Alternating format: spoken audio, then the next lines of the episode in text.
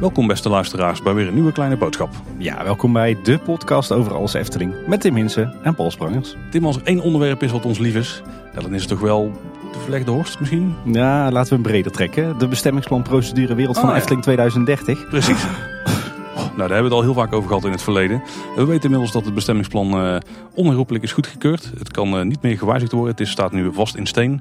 Misschien zelfs wel gebeiteld op Ravelijn, ik weet het niet. En daar kunnen we dadelijk wel eens gaan kijken. Nou, dan kunnen we zelfs wel gaan vragen. Want we zitten hier aan tafel met twee mensen die er heel veel van weten. Die hebben individueel al eh, gesproken. En bij beide kregen we de belofte dat als het bestemmingsplan eenmaal rond was, dan gingen we het er nog een keer uitgebreid over hebben. En vandaag is de dag. We zitten aan tafel bij Wieke Smit, teamlead bestuurlijke zaken. Wieke, welkom terug in Kleine Boodschap. Ja, dankjewel. We konden je al horen in aflevering 123. Die ging over duurzaamheid in de Efteling. Een eh, hele populaire aflevering mogen we wel zeggen. Ja, En eh, een onderwerp waar heel veel mensen eh, heel veel van wilden weten. En eh, wat wij ook zeer interessant vonden. Maar een onderwerp wat wij ook interessant vinden. Misschien ook een van de topics waar we het graag over hebben. Is groen in de Efteling. de landscaping. Ja, en een van de mensen die daarvoor verantwoordelijk is, is Ivo Suutmaier. Ivo, ook welkom terug in Kleine Boodschap. Goedemorgen, welkom. Jij bent de landschapsarchitect en we hebben jou uitgebreid gesproken in aflevering 179. Een stukje over jouw werk, maar vooral ook over het keispoor bij het Langse Land. Ook een eh, populaire aflevering die veel mensen hebben gebruikt om een rondje te lopen daardoor. Het Nou, dat was ook de bedoeling, toch? Ja, zeker. Afleveringen met Eftelingers zijn altijd populair. Hè? Ja, ik denk voor jullie ook wel een stukje verwerking deze aflevering, toch? Van eh, heel wat jaartjes eh peentjes zweten.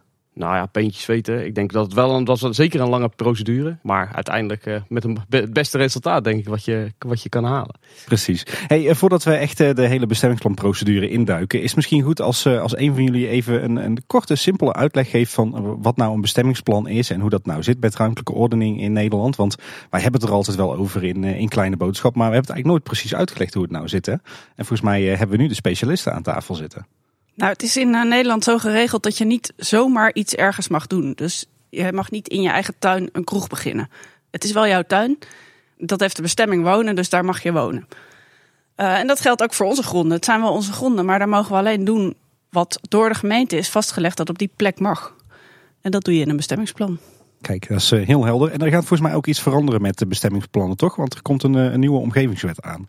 Dat klopt. En daardoor wordt het in principe flexibeler, eh, maar ook ingewikkelder. En daarom doen ze daar al heel lang over en stellen ze het steeds uit. Dus we gaan zien wat er gaat gebeuren. Maar wij hebben wel geprobeerd al een beetje daarop vooruit te lopen. Op die manier van bestemmen. Kijk, daar gaan we het vast en zeker zo meteen nog, eh, nog even over hebben. Hey, volgens mij is de procedure bij jullie eh, officieel begonnen in 2015. Eh, maar laten we eens kijken naar, naar de tijd daarvoor. Want wat was nou eigenlijk de, de reden dat jullie aan de slag gingen met de bestemmingsplannen van de Efteling? Ja, het proces start eigenlijk al in 2011, dus ruim voor 2015. Eh, op dat moment eh, hadden wij een gesprek met de gemeente en eh, constateerden wij eigenlijk twee dingen. Allereerst was de gemeente drukdoende met haar structuurvisie 2030. En stelde eigenlijk de Efteling de vraag van, nou ja, zouden jullie in het licht van die structuurvisie ook eens naar de wereld van de Efteling willen kijken? En uiteindelijk is dat verwoorden tot een projectopgave als onderdeel van de structuurvisie. En nou ja, daarmee is eigenlijk ook de formele procedure richting het bestemmingsplan 2030 eh, gestart. Maar er was eigenlijk nog een andere aanleiding. En dat was eigenlijk het feit dat eh, de Efteling voor ja, 2011 eh, ongeveer 11 eh, bestemmingsplannen had. eh, deelplannetjes had. Eh, het oudste bestemmingsplan was voor het attractiepark. Dateerde uit 1969. Zo. En de gemeente stelde ons eigenlijk de vraag van, eh, zouden jullie niet ook daar gewoon één plan van willen maken? Nou, op dat moment was het eigenlijk nog te vroeg om meteen een ontwikkelingsgericht plan te maken. Omdat we eigenlijk nog wel met elkaar na moesten denken over van, nou ja, welke stappen willen we nou zetten en wat is nou die ruimtelijke ambitie die de, die de Efteling heeft. En toen hebben we ervoor gekozen om eh, in eerste instantie een eh, consoliderend plan te maken. Dus wel een, een bestemmingsplan waar je eigenlijk in vastlegt wat je al hebt. Eh, alleen wel in een overkoepelend plan. Dus één plan voor de hele wereld van de Efteling. En dat is uiteindelijk het bestemmingsplan 2013 geworden. Het bestemmingsplan, nou ja, wat we tot nou ja, twee weken geleden ons bestemmingsplan was. En belangrijk daarin was wel dat we nou ja, eigenlijk al die plannetjes die we hadden tot één groot plan gesmeed hebben. En dat was uiteindelijk de basis om in 2015 met het proces Wereld van Efteling 2030 te starten. En eh, dat was wel al dat plan waar die 11% in zat, toch? Ja, klopt. Want een van de belangrijkste constateringen die we deden was dat we eh, met die 10% regeling dat we, nou ja, dat we eigenlijk wel wat ruimtelijk zochten om eh, de, de periode, nou ja, toen dachten we 2013, 2018 ongeveer te overbruggen. Uh, nou ja, inmiddels is dat, weten, we, weten we meer en is het wat langer geworden. Uh, maar de, uiteindelijk is het wel uh, van belang geweest dat we, dat we die jaren daartussen ja, toch nog wel de lucht en de ruimte hadden om te kunnen blijven ontwikkelen. En uiteindelijk nou, wel onder die 11% te blijven. Want toen is het maximale bebouwingspercentage van 10 naar 11% gegaan. Dat was onderdeel van die procedure in 2013. Dan, dan nu de vraag die wij heel vaak krijgen van luisteraars. En het antwoord erop, dat weten wij in de meeste gevallen. Tenminste, dat denken wij wel te weten. Maar nu hebben we de experts. Maar wat valt nou precies onder die 11%? Wat, is nou, uh, wat valt onder bebouwing? Ja, letterlijk datgene wat bebouwd is. Dus op het moment, ik pak maar even het voorbeeld, eh, de baron. Uh, als je naar de bron kijkt, uh, dan valt het gebouw van de baron valt onder bebouwd percentage. Datzelfde geldt voor de overkappingen die bijvoorbeeld in de, in de wachtrij staan. de baan zelf niet. Ook geen supports van de baan? Nee, nee. En, en muurtjes of zo, dat soort zaken? Nee, muurtjes ook niet. Uh, wel uh, luifels en overkappingen. Op het moment dat ze uh, twee muren hebben. En even voor de volledigheid, pleinen dus ook niet, groen uiteraard ook nee, niet. Nee, en de waterpartij ook niet. Nee, ja. nee. Hey, en een vraag die, die we ook vaak krijgen en waar het, het antwoord iedere keer net wat anders op is, is waar komt nou eigenlijk die 11% vandaan? Is dat uit het verleden? Is dat een, iets wat de Efteling zichzelf heeft opgelegd? Komt het nou echt vanuit de gemeente? Daar, daar horen we af en toe wat, wat wisselende verhalen over. Ik moet eerlijk zeggen dat ik er niet bij ben geweest eh, in de tijd dat ze dat bij elkaar uh, besloten. Want dat is, dat is in de jaren 60 geweest, want dat stond namelijk al in het plan van 1969. Uh, okay.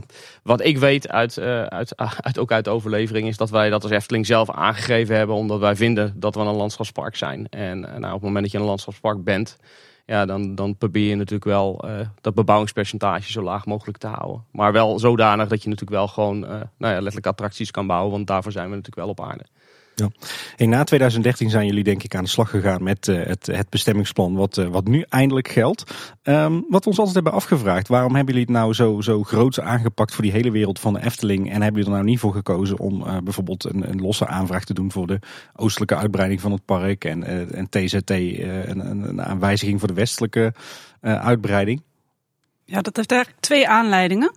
En de belangrijkste aanleiding was de gemeente. Die vroeg dat aan ons. Uh, die waren bezig met hun structuurvisie en die zeiden: kijken jullie nou ook eens ver vooruit? Wij willen even dat jullie helpen om de uh, van de gemeente daar orde in te krijgen. En wat zijn dan jullie plannen?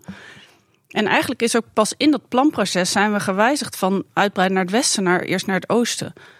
Uh, maar de andere reden is dat het allerbelangrijkste wat je echt goed moet onderzoeken als wij groeien, is verkeer. En voor dat verkeer maakt het niet zo heel veel uit of je naar het oosten of naar het westen uitbreidt. Je moet gewoon een hele goede verkeersstudie doen en bedenken hoe je uiteindelijk 7 miljoen gasten kunt ontvangen zonder overlast voor de omgeving. Zonder te veel milieu-impact. Dus het was bijna niet te splitsen daardoor. Omdat de onderliggende onderzoeken eigenlijk meer gingen over uh, impact op de omgeving en niet zozeer over welke hectares. Oké, okay, maar heb je daar achteraf geen spijt van? Want het heeft natuurlijk wel voor behoorlijk wat uh, rompslomp en uh, gedoe met de omgeving gezorgd. Uh, nou, ik, ik vind zelf dat het gedoe met de omgeving uiteindelijk best nog wel meeviel. Maar daar komen we vast nog wel op terug. Dat hoort bij een groot plan. Uh, ja, natuurlijk zijn er momenten dat we hebben gedacht... waarom hebben we onszelf dit aangedaan? Uh, ja. En aan de andere kant, we hebben nu maar mooi wel dit plan. Ja, dat is zeker waar, want het is uiteindelijk wel goedgekeurd. Ja. En daar kan je nog even mee door de komende jaren. Zeker. Dan nu trouwens horen we weer zo'n bekend getal waar wij het al jaren over hebben. Maar waar komen eigenlijk die 7 miljoen bezoeken vandaan? Wij hebben uh, heel goed gekeken hoeveel bezoeken wij uh, nodig hebben om de inkomsten te genereren die passen bij een bedrijf wat in de top 5 van de Europese attractieparken uh, zit. en dat is, de, daar heb je gewoon echt veel geld voor nodig om goed onderhoud te plegen en om af en toe iets nieuws te doen. en daar zijn die 7 miljoen uit afgeleid. Daar zit ook die economische onderbouwing bijvoorbeeld bij, het bestemmingsplan, en daar is die nog een keer onderbouwd. Maar het is geen doel op zich. Wij willen uh, in de top van de Europese attractieparken blijven. En als dat met 6,5 miljoen bezoeken uh, ook werkt, dan is het ook prima. Ja, het is meer dat je een, een getal nodig had voor je onderzoeken. Ja. Dus, ja, en dan pak je dan liever te ruim dan te krap. Ja, ja. helder. Ja. ja. dus het plan voorziet in de mogelijkheid dat de Efteling kan doorgroeien tot 7 miljoen, maar het hoeft er helemaal niet te komen. Nee, wat wij moeten doen is voldoende inkomsten genereren en ook wel um, enigszins betaalbaar blijven. Je kunt zeggen, we kunnen ook duizend gasten ontvangen en aan iedereen duizend euro vragen. Maar dat is ook niet wat wij willen zijn. Die, die, die voorstellen die horen we ook nog wel eens ja, bij collega's. Hey, en je, we hebben op een gegeven moment natuurlijk de eerste tekeningen gezien uh, in die bestemmingsplanprocedure. Maar ik kan me voorstellen dat jullie uh, hier intern al veel eerder aan het, aan het tekenen en ontwerpen en planvormen zijn geslagen. Nou, je kunt je voorstellen dat, uh, dat we bij de Efteling eigenlijk elke dag wel aan het tekenen zijn. Duizend en één ideeën. Uh, nou, ik zou bijna zeggen, elke week komt er wel iets tevoorschijn. Uh, toen wij met deze procedure startten, toen hadden wij wel een, een, soort ruimtelijke visie liggen op het attractiepark. van oké, als we de komende jaren door onze ogen heen kijken, waar zouden we met het attractiepark naartoe willen? En toen trokken we eigenlijk ook heel snel de conclusie dat we eigenlijk heel weinig ontwikkelingsruimte meer hadden binnen het bestaande park. Nog even los van die 11% regeling. Uh, je kunt je voorstellen dat een attractie een veel grotere footprint heeft dan uh, dat bebouwd oppervlak waar we net op, op, over, over hadden. En nou ja, vanuit die optiek kwamen we eigenlijk al heel snel tot de conclusie van ja, als we een ontwikkelingsgericht plan maken, dan moeten we ook zeker kijken naar uitbreidingsmogelijkheden voor het park. Eh, nou ja, dat is eigenlijk waar de, de eerste aanleiding vandaan kwam uh, uh, om met dat bestemmingsplan aan de slag te gaan. En die ruimte te zoeken die we nou ja, naar de toekomst toe nodig hebben om ons park ook te kunnen blijven exporteren en, en uit te kunnen breiden. En af en toe een nieuwe attractie bij te kunnen zetten. En toen zijn jullie ook echt intern masterplannen en blauwdrukken gaan maken voor de hele wereld. Van nou ja, toen zijn we nog niet eens zozeer intern. Toen zijn we vooral uh, die stappen gaan maken die we met de gemeente afgesproken hadden. Om uiteindelijk tot dat bestemmingsplan te komen. En een van die belangrijkste stappen was die uitwerking van het masterplan. Wat feitelijk niks anders is dan uh, dat projectplan wat de gemeente ons eigenlijk vroeg op basis van hmm. hun structuurvisie. Maar het was niet zo dat hier al prachtig uitgewerkte A0 uh, uitgeplot waren met daarin precies de attracties ingetekend. Nee, absoluut niet. Sterker nog, uh, wij wisten wel dat we op zoek waren naar ruimte om ons park uit te breiden en bij voorkeur ook naar de toekomst met verblijf aan de slag te gaan. Uh, maar waar we dat precies zouden willen, was eigenlijk op dat moment helemaal nog niet duidelijk. we zijn juist het gesprek aangegaan met belanghebbenden en, en omwonenden om te kijken van ja, welke stappen kunnen we nou waar zetten en wat is eigenlijk het meest logische als je naar de wereld van Efteling kijkt, waar je dan verblijf uitbreidt en waar je het attractiepark uitbreidt. Ja, want dat was een vraag die ik inderdaad nog had. Eh, want uiteindelijk in het plan is er wel een deel eh, is gereserveerd voor parkeren bijvoorbeeld. Eh, een deel specifiek voor verblijven. Dat zit allemaal een beetje aan de zuidkant van de Eftelingse straat. dus er moet al wel een globaal idee, idee, zijn of zijn geweest. Of misschien kwam het dus pas na de gesprekken met de, de buurt van waar jullie dingen wilden hebben. Want uh, bijvoorbeeld de westelijke uitbreiding, dat is degene waar dan vooral in de, de fan eh, scene of bij de liefhebbers uh, heel veel discussies over gaan. Van gaat het park er uitgebreid worden? wordt het juist misschien een tweede park? Gaan er andere plannen gebeuren? Maar dat soort ideeën, die leefden nog helemaal niet. Of die leefden misschien stiekem wel zonder iets te verklappen. Dus nee, nee, eerlijk gezegd, die leeft helemaal nog niet. Uh, het enige wat op dat moment leefde was van oké, we hebben het bestaand park, we hebben daar een aantal uh, bestemmingsplan voorwaarden. En als we daar naar kijken, dan uh, moeten we naar de toekomst toe op zoek naar ontwikkelingsruimte. En nou ja, dan is, ligt het voor de hand of is het aannemelijk dat als je je attractiepark uit wil breiden, dat je dat bij voorkeur in de nabijheid van het bestaande attractiepark doet. En datzelfde geldt eigenlijk ook voor verblijf. En uiteindelijk zijn we in het proces voorafgaand aan het masterplan zijn we uiteindelijk tot de conclusie gekomen dat het het meest wenselijke is om de wereld van de Efteling in die drie zones uh, te ontwikkelen. Dus ten noorden van de Eftelingse straat, voornamelijk de intensieve recreatie. Dus denk aan uh, attractiepark en de daarbij behorende parkeerterreinen. En uiteindelijk net onder de Eftelingse straat, nou eigenlijk in het verlengde van waar je nu ook al je verblijf hebt liggen, bij voorkeur de ontwikkeling van het verblijf. En hoe verder je naar het zuiden zakt, hoe extensiever het gebruik van die gronden wordt of zou moeten zijn. En, en dat is wel degelijk een uitkomst geweest van, van die eerste stappen van het proces. Dat we in die lijnen, want dat zijn ook letterlijk gewoon Oost-West lijnen, zijn gaan denken.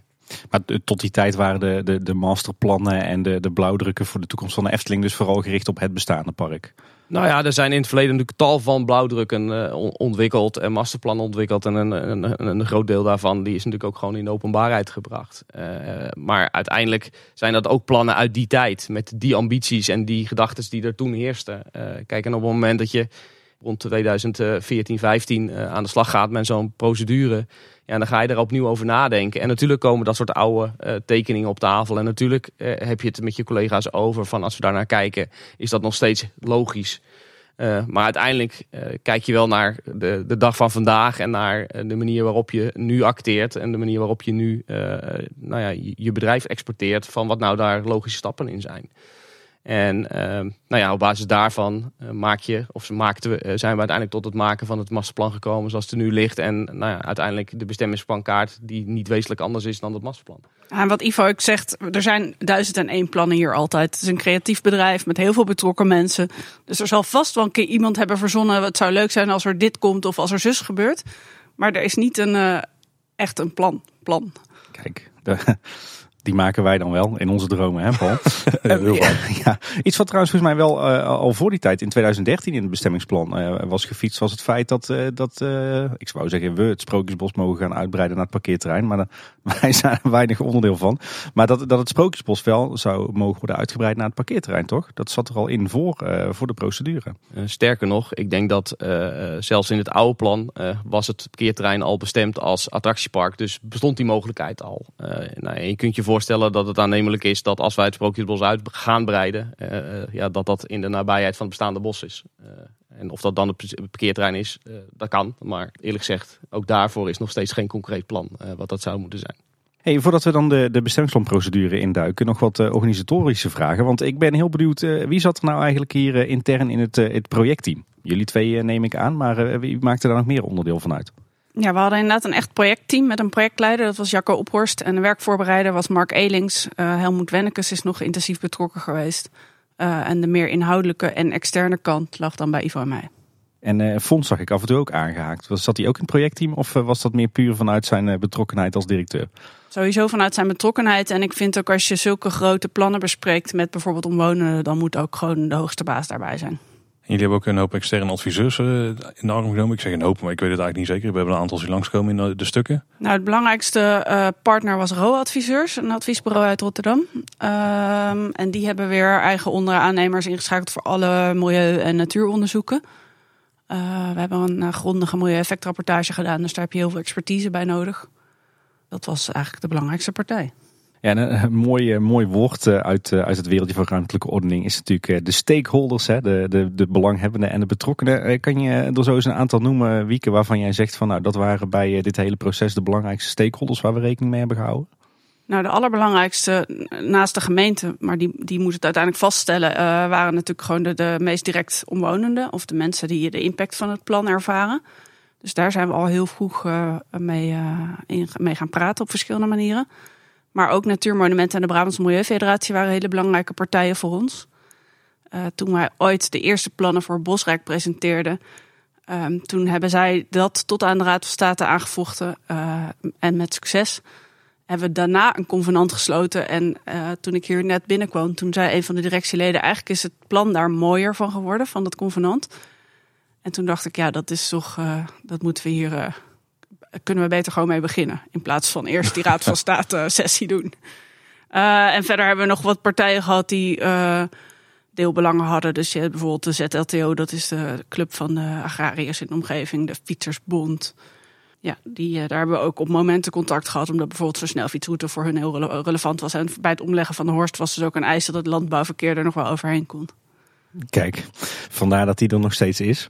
Hey, laten we dan vooral uh, terug in de, de procedure duiken. Uh, en volgens mij uh, begon dat een beetje zo in 2015, toch? Ja, dat klopt. op dat moment zijn we eigenlijk in gesprek gegaan met, met de omwonenden. Of eigenlijk de bewoners van de drie kernen van, van Kaatsheuvel. Dat zijn eigenlijk de eerste stappen die we gezet hebben. waren avonden samen met die mensen hebben we nagedacht over nou ja, wat die ruimtelijke ontwikkeling zou kunnen zijn. En uiteindelijk eh, zijn die eh, vertaald naar een notitie, ambities en uitgangspunten. En uh, nou ja, wat het woord ook al zegt, daarin hebben we onze ambities opgeschreven en hebben we een aantal uitgangspunten bepaald die we uiteindelijk meegenomen hebben richting, richting het masterplan. Nou ja, dat is eigenlijk de eerste stappen die we, die we toen gezet hebben. En dat is ook de fase waarin toen bedacht is van, oh, misschien kan, kunnen we wel Oost beginnen in plaats van West. Uh, en dat viel een beetje samen met dat de gemeente die snelfietsroute wilde en daarvoor grond van de Efteling nodig had. En dat leidde uiteindelijk tot een grondenruil en een omgelegde weg. Oh. En een snelfietsroute die bijna af is. Ja, wij weten er alles van. Hey, kan je daar eens wat meer over zeggen, Wieke? Want hoe ging dat dan? Want in eerste instantie was het, het idee dus vooral... we gaan echt alleen maar richting het westen uitbreiden met het, het attractiepark. Nou, het is gewoon... Er lag een weg. Dus dan uh, denk je niet zo heel snel aan... we kunnen daar het attractiepark uitbreiden. Maar die kant op is wel verder weg van de kern van Kaatsheuvel. Dus relatief minder mensen wonen daar in de buurt. Um, natuurlijk wonen daar weer andere mensen in de buurt die daar ook uh, zorgen over hadden. Uh, maar toen, toen dat met die snelfietsroute gebeurde, toen dachten we, oh, maar als die weg weg kan, dan heb je daar natuurlijk, uh, nou, het is ruim 8 hectare direct grenzend aan het huidige attractiepark waar je mooie dingen kan doen. Maar je gaat ook dichter naar de Loonse Duinen toe. Ja, we hebben uh, pittige gesprekken met uh, Natuurmonumenten hierover gevoerd. En die hebben hun rol goed gespeeld. Dus die hebben echt een paar eh, planregels in het plan gekregen die, die helpen om te zorgen dat er minder geluid richting Leuns en Drunense Duinen gaat. En dat ging om hoogte van gebouwen en het ging om de richting van gillende mensen. Ja, die hebben we wel langs zien komen inderdaad. dus dat hebben, hebben we echt goed met ze over gesproken. Er zit natuurlijk wel een weg tussen die ook veel geluid maakt. Dus um, uiteindelijk is het niet zo dat je de totale stilte van een natuurgebied hebt en dan direct aangrenzend een attractiepark. Dus, dus we krijgen straks in de circus coaster, voordat die wat vrijgegeven krijgen, we over de omroep te horen dat we alleen naar voren mogen gillen. Dat uh, zijn jouw woorden. Nou, dat, ligt eraan hoe hoog die gaat, Tim. Want het, uh, volgens mij op een hoogte van 50 meter mogen maximaal zoveel mensen zo hard schreeuwen. Zoiets was het. Ja, je hebt de plannen goed bekeken, Paul. Je, je zei trouwens net ook, Wieke, eh, de Horst kan weg. Maar dat is volgens mij nog wel zo'n zo'n puntje wat eh, in het eh, proces gewijzigd is. Zeker, want in eerste instantie dachten wij, ja, daar ligt de N261. vroeger was de Horst gewoon de provinciale weg. dus misschien kan die weg gewoon helemaal weg. Maar dat bleek toch een brug te ver. er zijn veel mensen die voor het verkeer tussen de kernen blijkbaar toch graag gebruik maken van die weg. En het landbouwverkeer, wat dus niet op de N-weg mag. Dus uiteindelijk uh, is er gezegd, er moet daar wel een doorgang blijven. En dat is de verlegde Horst geworden. Kijk. staat hij nog niet op Google Maps, maar nee. toch moeten we er ook een missie van maken. Goed om te horen dat, uh, dat hij hier intern ook al zo heet, ja. Weet ik nog wel, uh, even naar terug wil, is de inspraak die de buurtbewoners hadden. Want jullie hebben in het begin met de mensen dus gezeten. Nou, er zijn een aantal inspraakavonden geweest. onder andere een in het Efteling Hotel, of meerdere zelfs volgens mij daar. Nee, in de Werft. In de Werft ook? Ja, de eerste was in de Werft, dat klopt. Ja, zat ik bij. Hoe gingen die avonden eraan toe? Waren die druk bezocht? Was er veel interesse vanuit de buurt? Nou, je kunt je voorstellen dat vooral de, de avond die in eh, Kaatsheuvel was, dat het natuurlijk het drugsbezocht was van de, van de drie, uh, drie avonden die we gehad hebben. Ja, daar waren mensen waren kritisch terecht. Uh, en, en nou ja, een veel gehoorde vraag was natuurlijk, of op opmerking was natuurlijk in de tijd ook van ja, maar Defting heeft al lang plannen. kom nou maar op met dat plan en dan gaan we dat met z'n allen bestemmen. maar ja, zoals we net al zeiden, dit was voor ons de, de, de stap om bij bewoners eh, te gaan uh, ophalen van waar nou de belangrijkste bezwaren zouden zitten, waar belangrijke kansen zouden zitten. En wat Wieke net ook aangaf, waarbij we in eerste instantie vooral westelijk georiënteerd waren als, uh, waren als zijn uit, uitbreidingsgebied, kwam eigenlijk al heel snel ter tafel dat misschien het oosten aannemelijker was. Uh, in combinatie met het feit uh, ja, dat we dachten van nou die Horst die, uh, die zou wel die zou dat stukje Horst zouden we eruit kunnen halen. Terwijl uit een bewonersavond in Loon op Zand heel duidelijk bleek van ja dat er best veel mensen gebruik maken van, van de oude, oude weg, de oude Horst richting, richting het centrum van Kaatsheuvel en, en weer terug naar het dorp. Dus ja, die avonden zijn zeker waardevol geweest en hebben uiteindelijk ook tot, nou ja, tot, tot informatie geleid die, die nou ja, uiteindelijk ook in de bestemmingsplan doorgevoerd zijn. En daarna hebben we dat natuurlijk hetzelfde weer gedaan bij het masterplan. Toen hier in, de, in het klavier, het gemeentehuis van uh, Loon op Zand. En daar hebben we heel erg geprobeerd in kleine groepen mensen informatie te geven. Want je wilt ook echt in gesprek met mensen. En ik heb eigenlijk het hele proces gemerkt dat mensen het spannend vinden. Ook juist omdat wij zo ver vooruit kijken, lijkt het alsof we morgen opeens uh, een dubbele Efteling hier hebben liggen. Kom maar op. Maar ook wel goed uh, het goed helpt als je mensen meeneemt. En we hebben echt veel dingen ook opgenomen of overgenomen die uh, denk ik uh, voor de omwonenden helpen.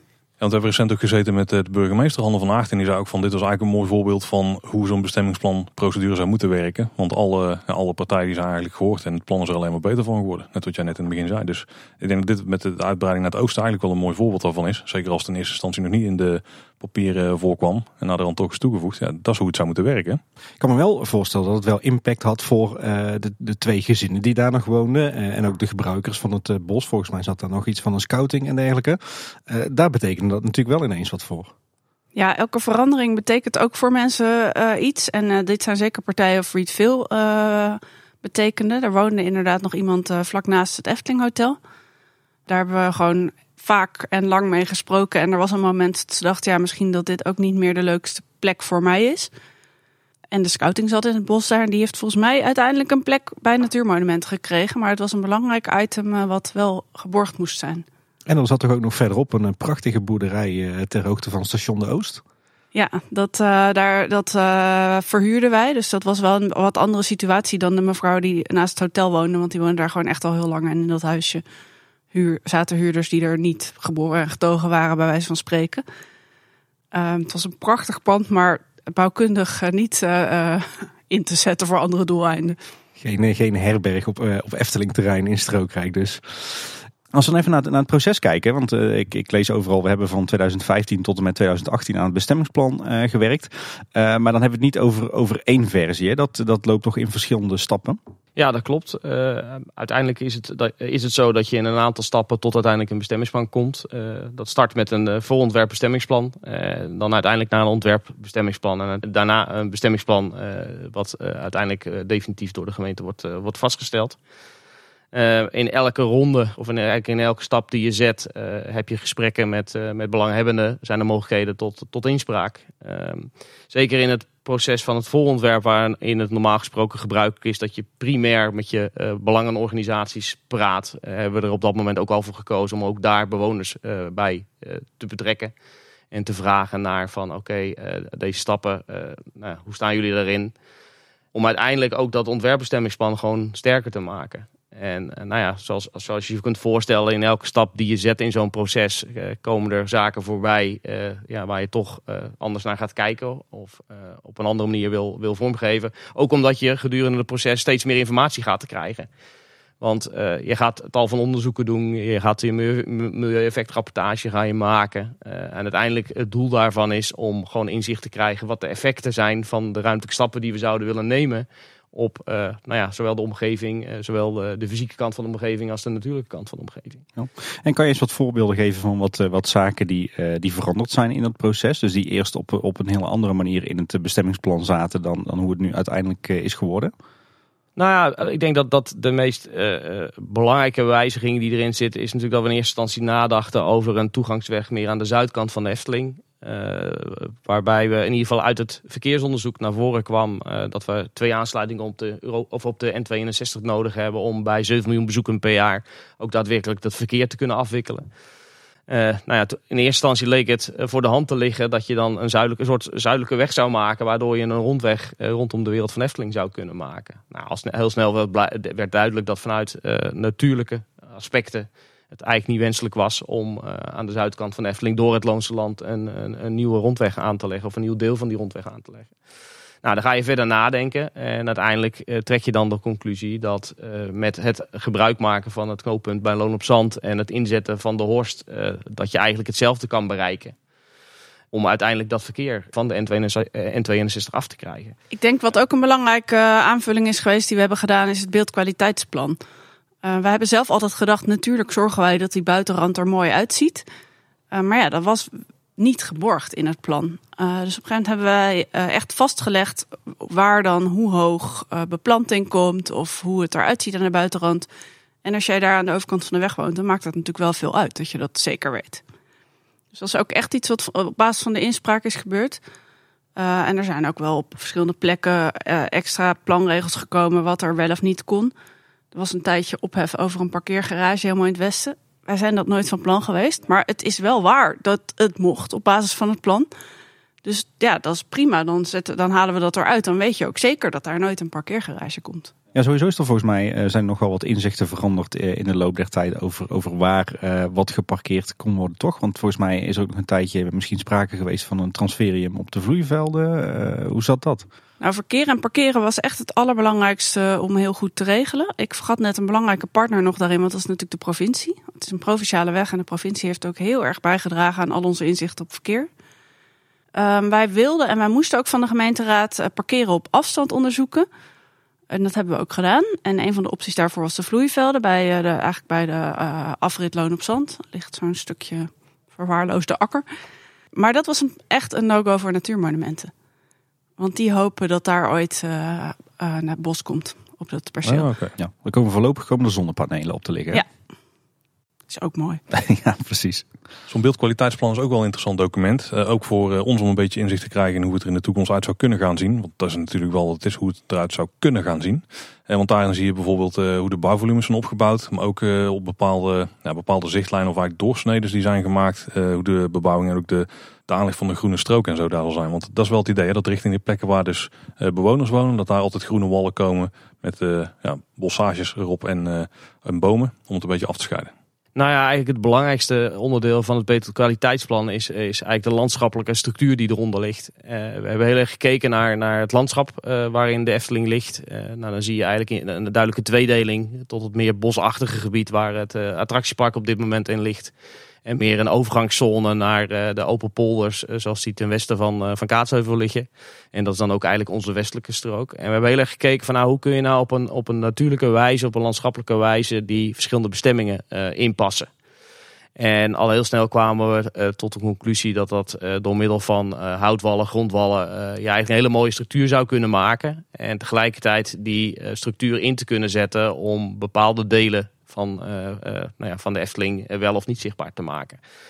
Want uiteindelijk uh, zegt de gemeente ook terecht, alles wat je van de openbare weg af kan zien van de Efteling, ja, daar, daar, daar kunnen en willen wij graag iets van, van vinden. En tegelijkertijd wil je ook de, bepaalde delen gewoon afschermen vanuit voor bewoners die in het buitengebied daadwerkelijk wonen. En uh, nou ja, uiteindelijk eh, heeft dat geresulteerd tot het beeldkwaliteitsplan, waar we gewoon letterlijk per uh, nou, gebied of deelgebiedje uh, gemaakt hebben. Waarin we uitspraken gedaan hebben over die landschappelijke structuur, maar bijvoorbeeld ook over de architectonische structuur. En nou ja, daarin zie je ook dat, dat er bepaalde op, opbouwen ingekomen zijn. En dat je bijvoorbeeld geen gesloten gevels wil, wil, wil maken op bepaalde plekken, maar dat het bij voorkeur samengestelde gevels zijn. Nou ja, dat soort uitspraken doet het beeldkwaliteitsplan.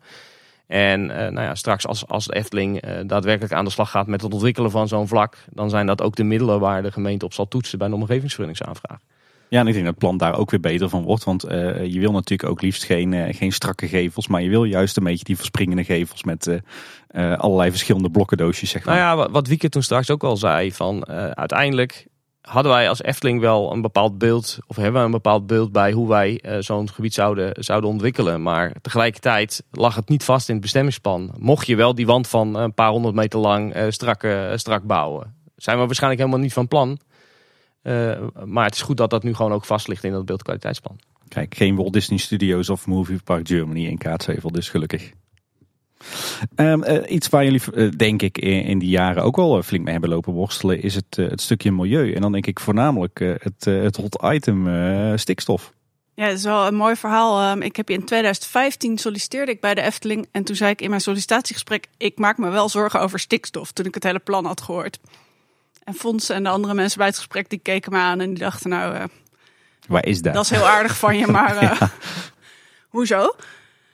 Um, maar dat bleek terecht. Uh, dus daar ben ik heel veel mee bezig geweest. Um, het, het, is een heel ingewikkeld onderwerp, dus volgens mij moeten we er niet te lang bij stilstaan. Ik kan er denk ik een hele podcast over volpraten. Nou, dan moeten we straks even een, een afspraak voor maken. Dan. ik weet niet of dat echt de populairste aflevering ooit wordt. Hele andere doelgroep misschien de regelgeving rondom stikstof wijzigde. Laten we het daarop houden. Dus oh, er was een dag dat de Raad van State zei dat het programma aanpak stikstof, de manier waarop de Rijksoverheid probeert voor de natuur te zorgen, want daar komt het op neer, deugt niet. En op diezelfde dag kregen wij een uitnodiging voor een zitting specifiek over stikstof.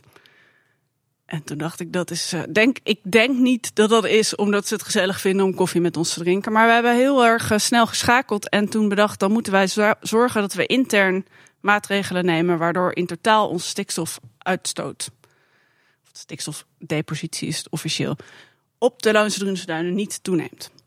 En liefst afneemt. En dat hebben we toen gedaan. En, en hoe uh, hebben jullie daarvoor gezorgd en gaan jullie daar in de toekomst voor zorgen? Ja, we hebben aan een aantal knoppen moeten draaien. Eigenlijk heel simpel gezegd, bij iedere verbranding komt stikstof vrij.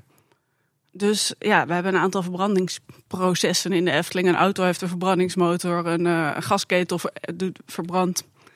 Uh, de stoomtrein verbrandt kolen. En de kampvuren uh, verbranden hout. dus we hebben moeten zoeken naar dingen die wij konden reduceren. En een van de dingen die we sowieso gaan doen is dat wij uiteindelijk gasloos willen worden voor verwarmen. daar zijn we nu met de eerste stap bezig met het aquathermie-project van de Aquanura vijver. Dat scheelt heel veel.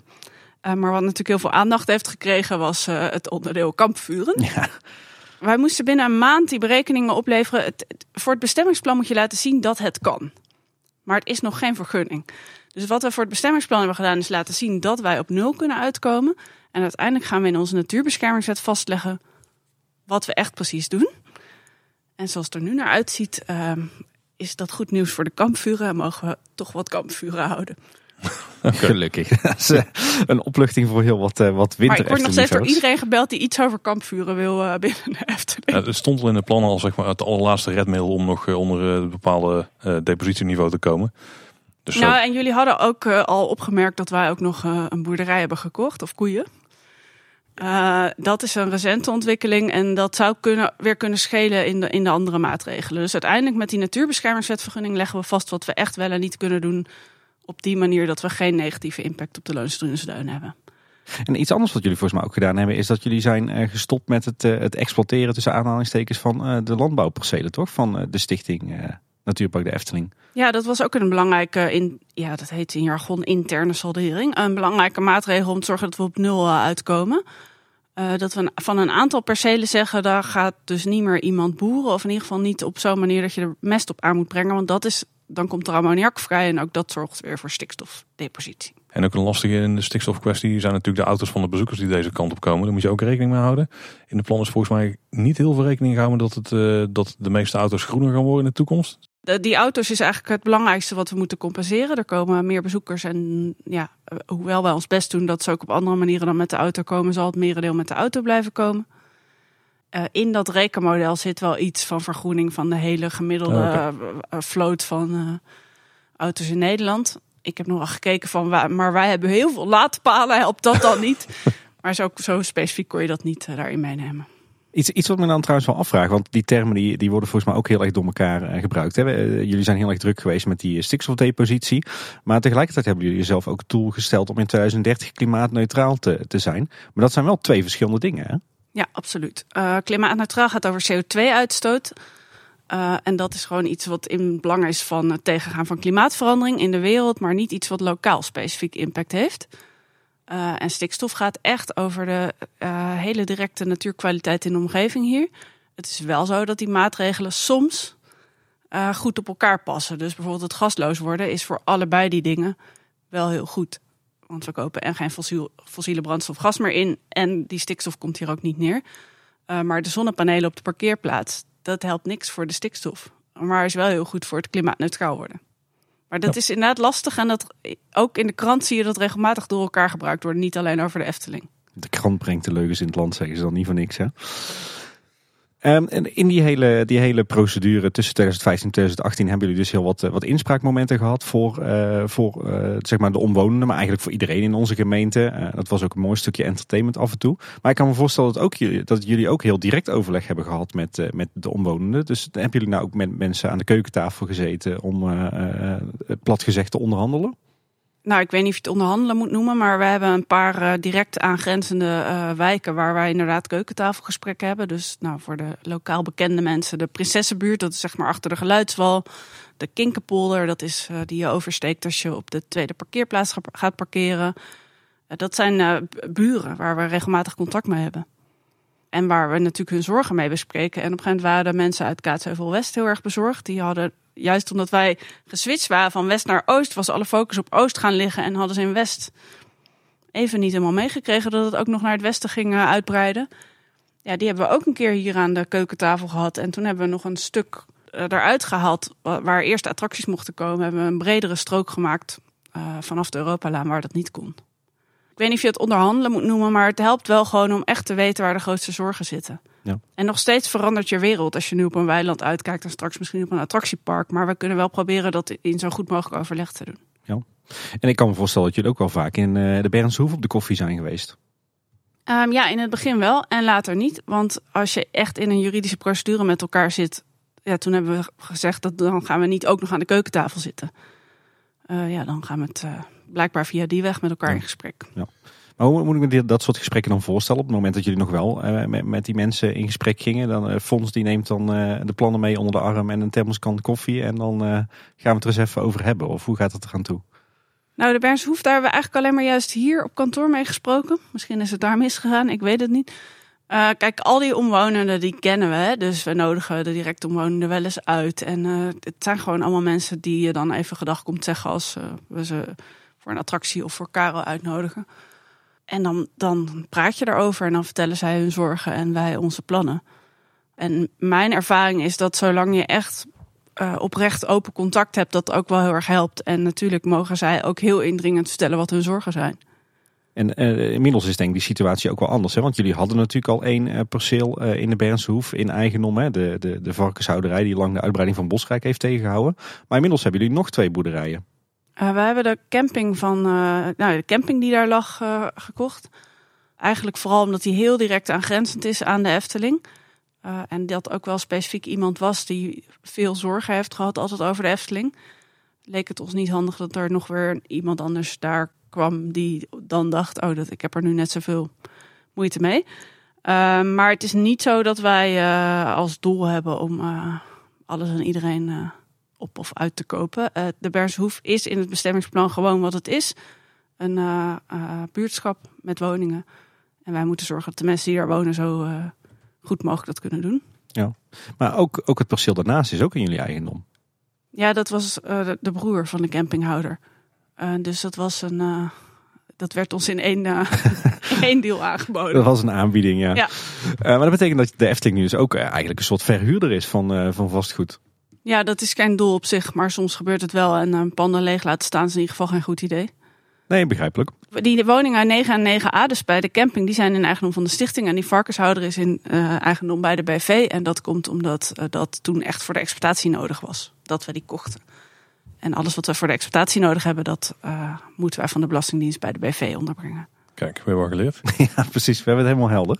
Uiteindelijk is er een bestemmingsplan dus gemaakt. Eh dat moest natuurlijk vastgesteld worden. Eh, dat is een procedure die begon te lopen vanaf september 2018. Want die is enigszins eh, uitgelopen, om het zo maar te zeggen.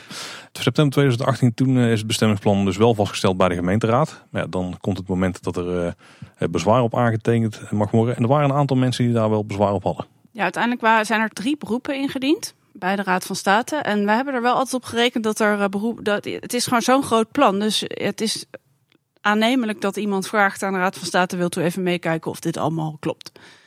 Ehm, en uiteindelijk is één beroep ingetrokken, want dat was van de Bernshoef 99a. En toen hadden we er nog twee over van andere bewoners van de Bernshoef en van een familie die de percelen heeft, waardoor de kaart er zo maf uitziet rondom de tweede parkeerplaats. Ja, de, de agrariër die zeg maar nog boert eh, rond de Kinkerpolder. En die vond dat, die, eh, dat wij ten onrechte niet zijn haar percelen hadden bestemd als recreatief. Ja, en die, dat bezwaar is later door de Raad van State gezegd van, ja, dat valt hier eigenlijk gewoon buiten. Ja. Eh, dus toen bleef er nog één over. Ja, ik kan me voorstellen dat, hè, want we, we zeiden net al september 2018. Eh, uiteindelijk was het juni 2021 eh, eer eh, goed en wel. Het bestemmingsplan is goedgekeurd en vastgesteld door de Raad van State. Wat, wat is er in die, die drie jaar tijd gebeurd? Ja, er is eigenlijk heel veel gebeurd. Zoals ik al zei, we hadden er echt wel op gerekend dat, het dat we naar de Raad van State gingen. Eh, maar wat we, waar we eigenlijk niet op hadden gerekend was dat er een voorlopige voorziening zou komen. Nou, dat is ook een juridisch eh, begrip. Maar eigenlijk betekent dat dat, dat mensen zeggen: ja, maar als zolang dat plan nog niet onherroepelijk is, eh, de Efteling al wel iets gaat doen, dan, dan is dat onomkeerbaar. En dat wil ik niet. Dus het simpelste voorbeeld van een voorlopige voorziening is voor het kappen van een boom. Je kunt zeggen, ik mag hem al wel kappen, ook al is er, loopt er nog bezwaar. Maar ja, dan heb je hem gekapt en dan krijgen ze gelijk dat hij niet gekapt had mogen worden. Nou, dat is een beetje het idee van een voorlopige voorziening. En die hadden wij heel eerlijk gezegd niet aanzien komen. Eh, dus wij hadden wel bedacht, al, terwijl het plan nog niet onherroepelijk was, mag je op eigen risico dingen ontwikkelen. En dat hadden we eigenlijk wel gehoopt. Ja, want jullie wilden echt al eh, het reisrijk gaan uitbreiden dan. Wij hadden graag al eh, iets aan die oostelijke kant, eh, hadden we willen gaan doen dan. Maar ja, dat mocht dus niet, want er kwam een voorlopige voorziening. En dat was wel even echt een eh, echt slikken. En toen heeft de, recht, de, de staatsraad beloofd dat nog dat jaar een einduitspraak zou komen. Dat is niet helemaal gelukt.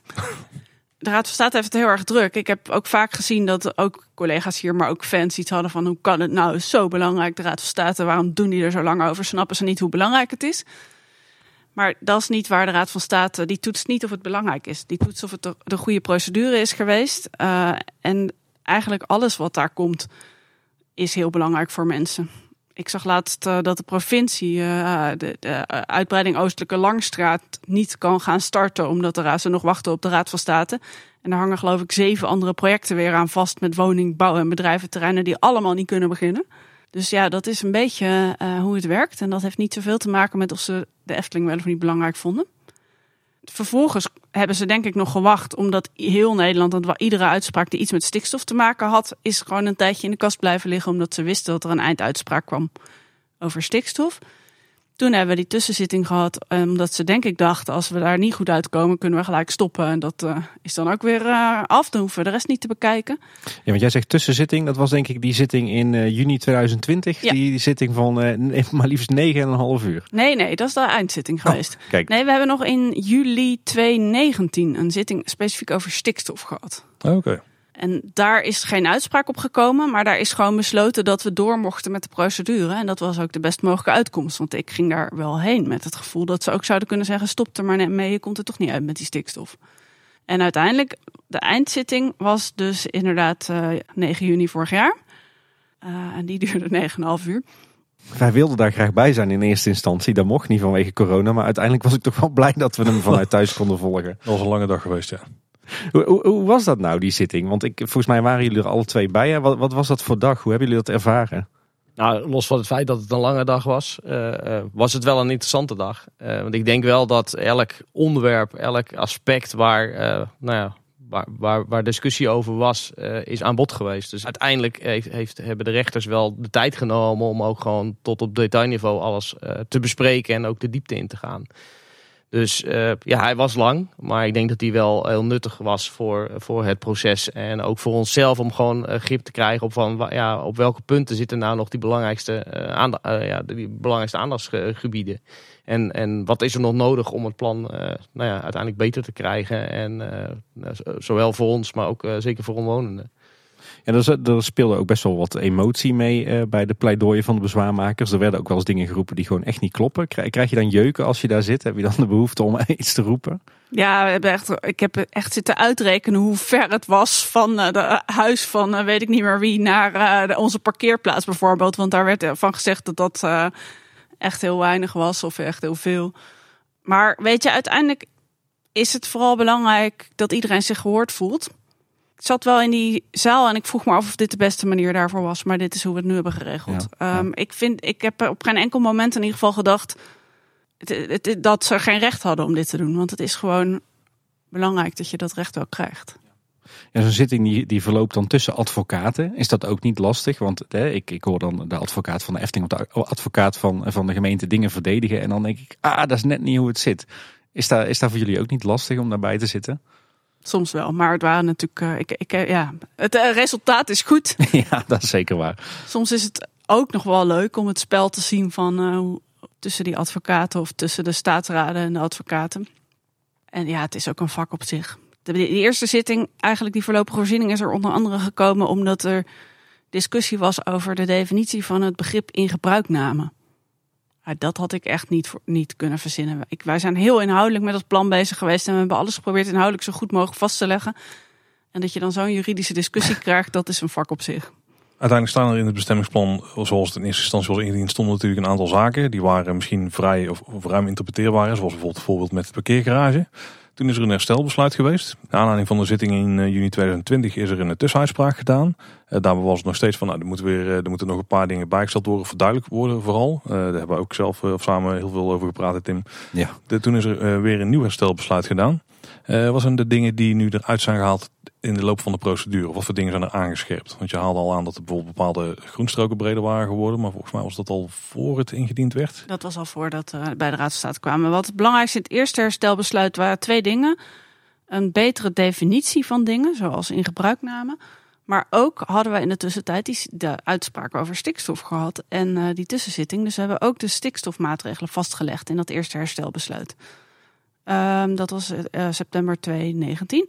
Een tweede herstelbesluit was heel concreet naar aanleiding van de tussenuitspraak van de Raad van State. Die zei er zijn een heleboel dingen uh, die wij ongegrond verklaren, die wel goed erin zitten, maar er zijn een aantal dingen waarvan wij vinden dat het niet goed erin zit.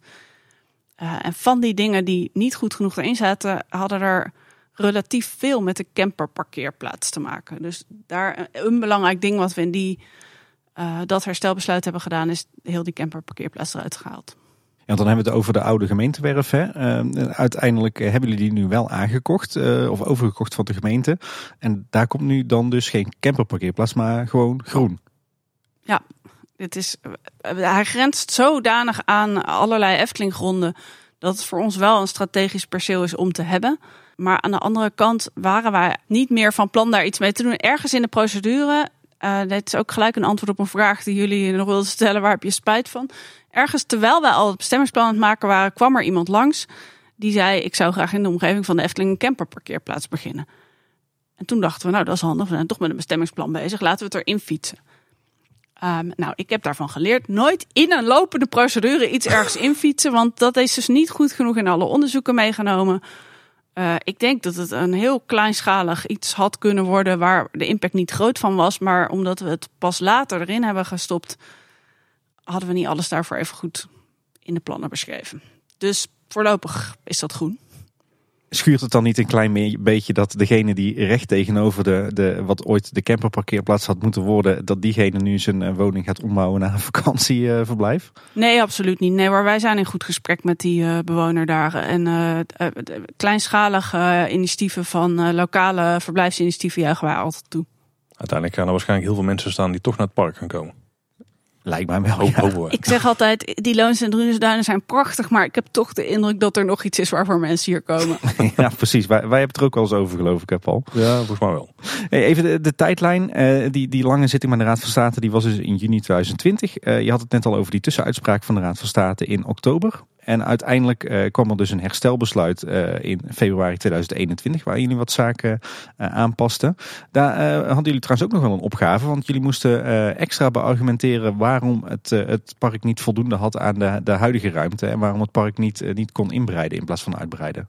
Ja, eigenlijk wat de Raad van State vroeg was, leg uit waarom je niet alles in het bestaande park kunt doen, waardoor je niet in het weiland hoeft te bouwen. Ja, dat klopt. En dat had natuurlijk te maken met die 11%. Die 11%, uh, nou ja, we hadden net al het gesprek over van wat is nou die 11%? En op het moment dat je redeneert van oké, ik heb nog uh, eh, 89% ruimte over, uh, ja, waarom dan uitbreiden?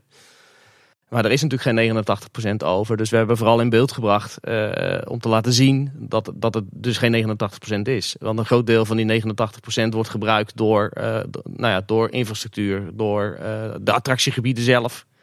En uiteindelijk nu natuurlijk ook gewoon een, een deel natuur en landschap uh, waar de Efteling uh, bekend om staat.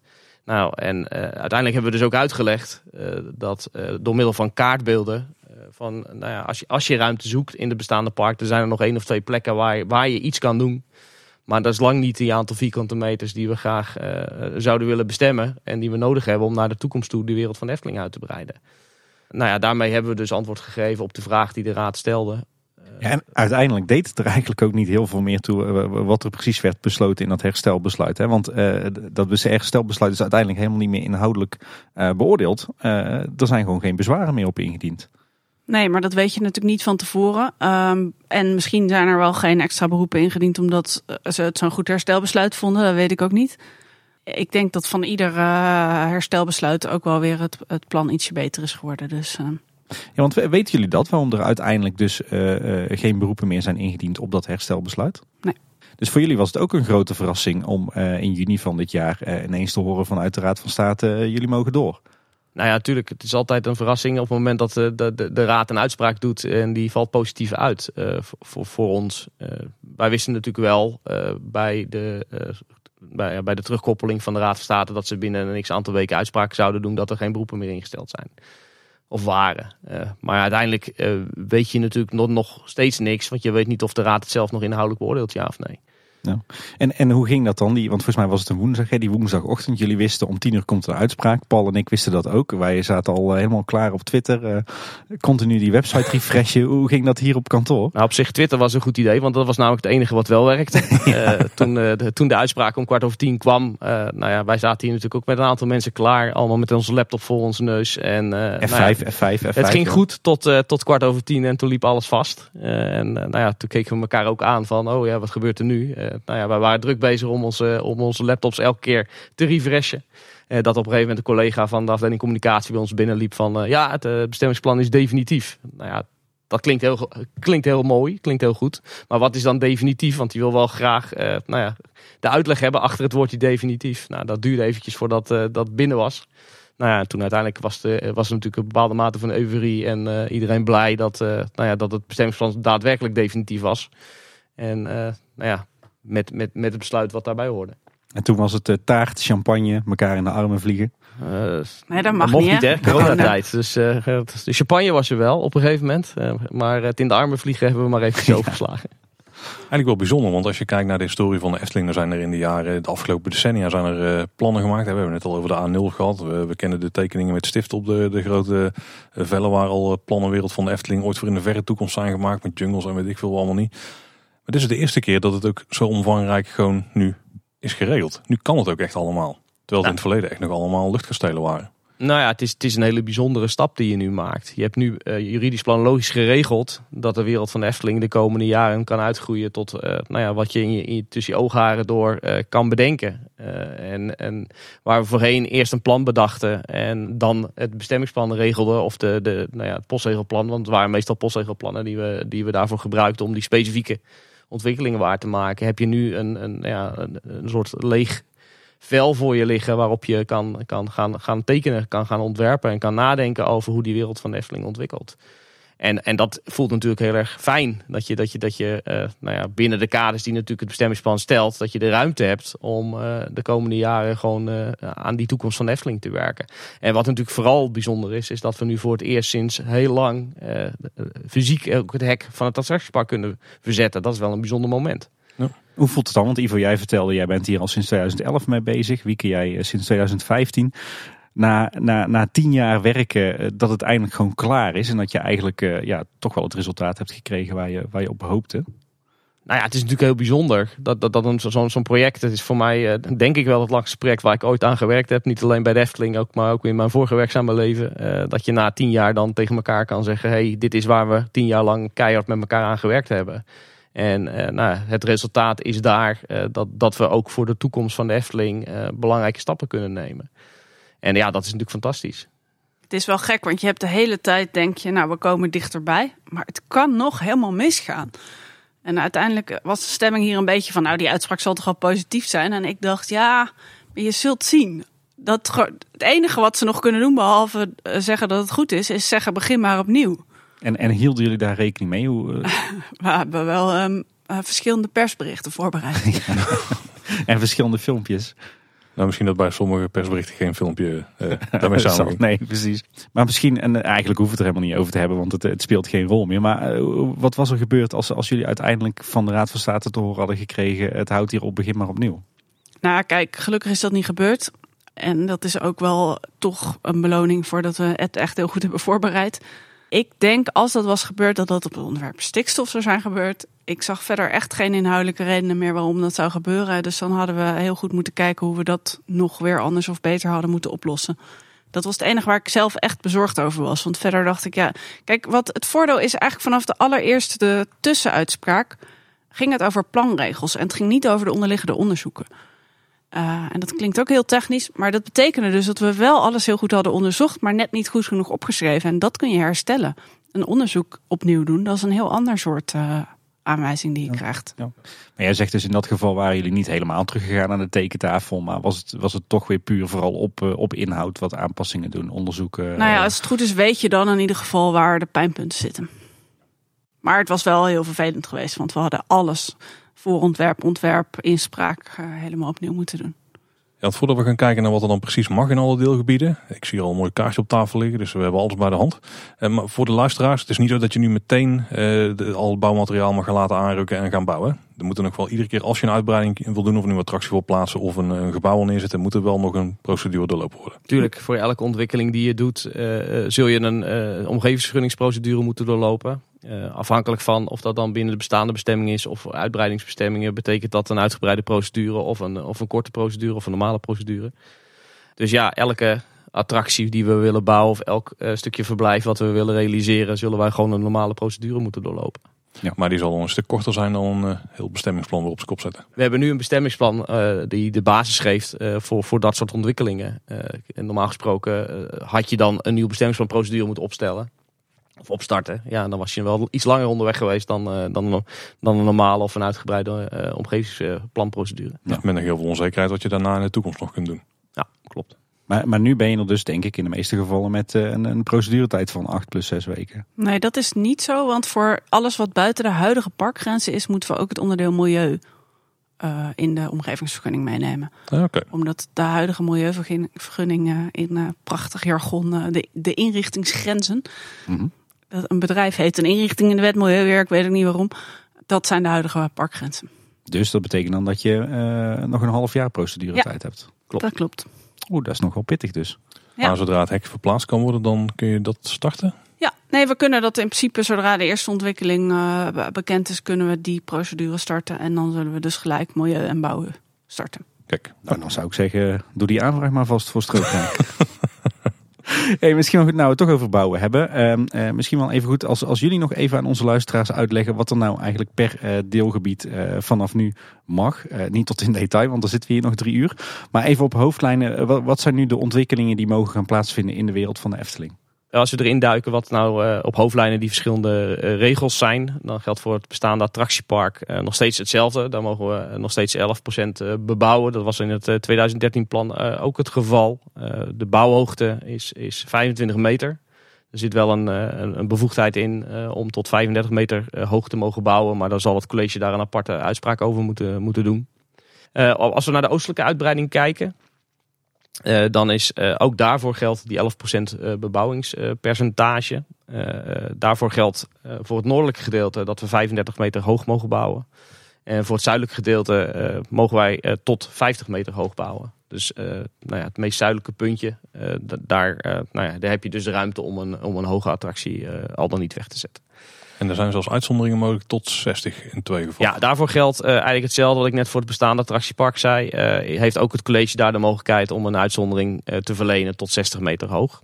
er zit wel een belangrijke voorwaarde bij. Is dat we geen aaneengesloten wand van attracties mogen bouwen langs de N62. daar zitten een aantal regels in die beperken hoe lang die wand mag zijn. En hoe ver bestaande ontwikkelingen uit elkaar moeten staan.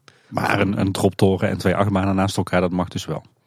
Dat zou in theorie zou dat het kunnen. Uh, als, dat, als ze daarmee ook weer voldoen aan allerlei andere regels die erin zitten. Maar daar uh, gaan we denk ik te diep op de materie in.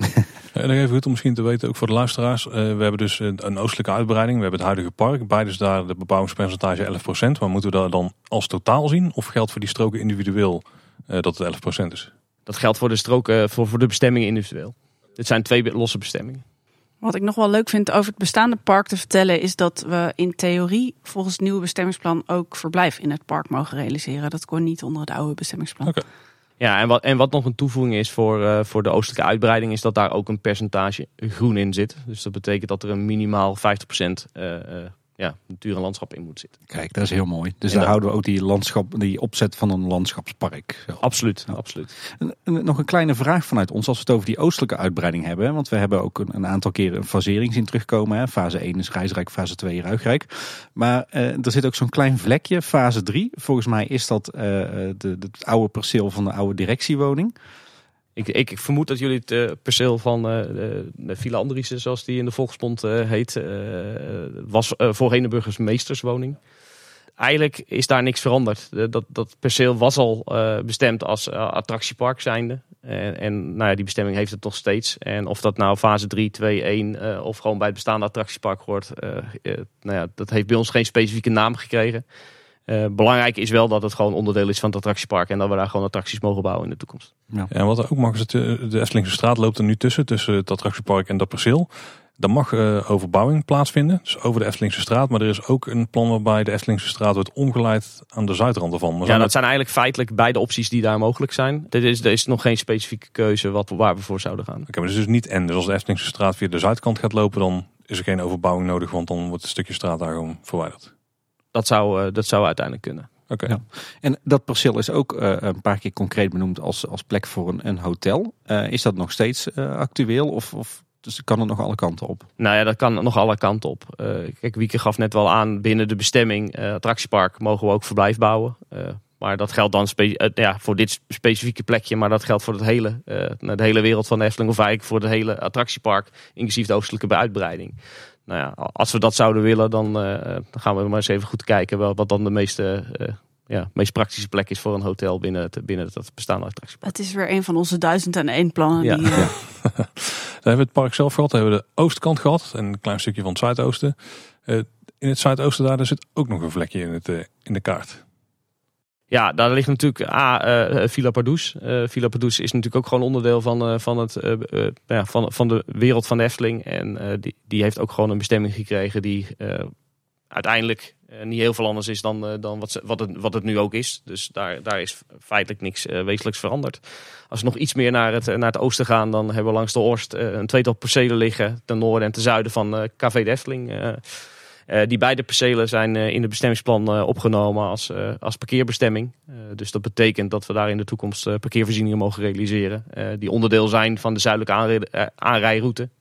Dus eh, als wij straks eh, mensen vanuit de zuidkant naar de wereld van de Efteling brengen, dan eh, is het aannemelijk dat we die op deze twee parkeerterreinen laten parkeren. Dat vind ik nog wel een interessante, want die twee gedeeltes die worden nu gescheiden door Café de Efteling. Dat is inmiddels in jullie bezit. Wordt nu gebruikt als een tijdelijk honk.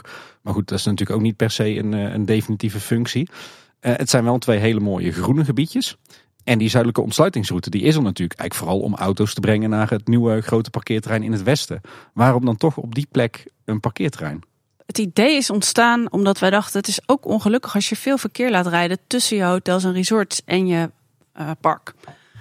En toen hebben we bedacht: als we nou in ieder geval parkeergelegenheid daar creëren, dan kun je waarschijnlijk een deel van dat verkeer daar afvangen. Dus dat is in ieder geval een mogelijkheid die we dan hebben om te voorkomen dat als jij in je prachtige bosrijkhuisje zit en naar de Efteling wil, dat je dan eh, eerst eh, alle bezoekers moet laten passeren die eh, met de auto over die weg komen.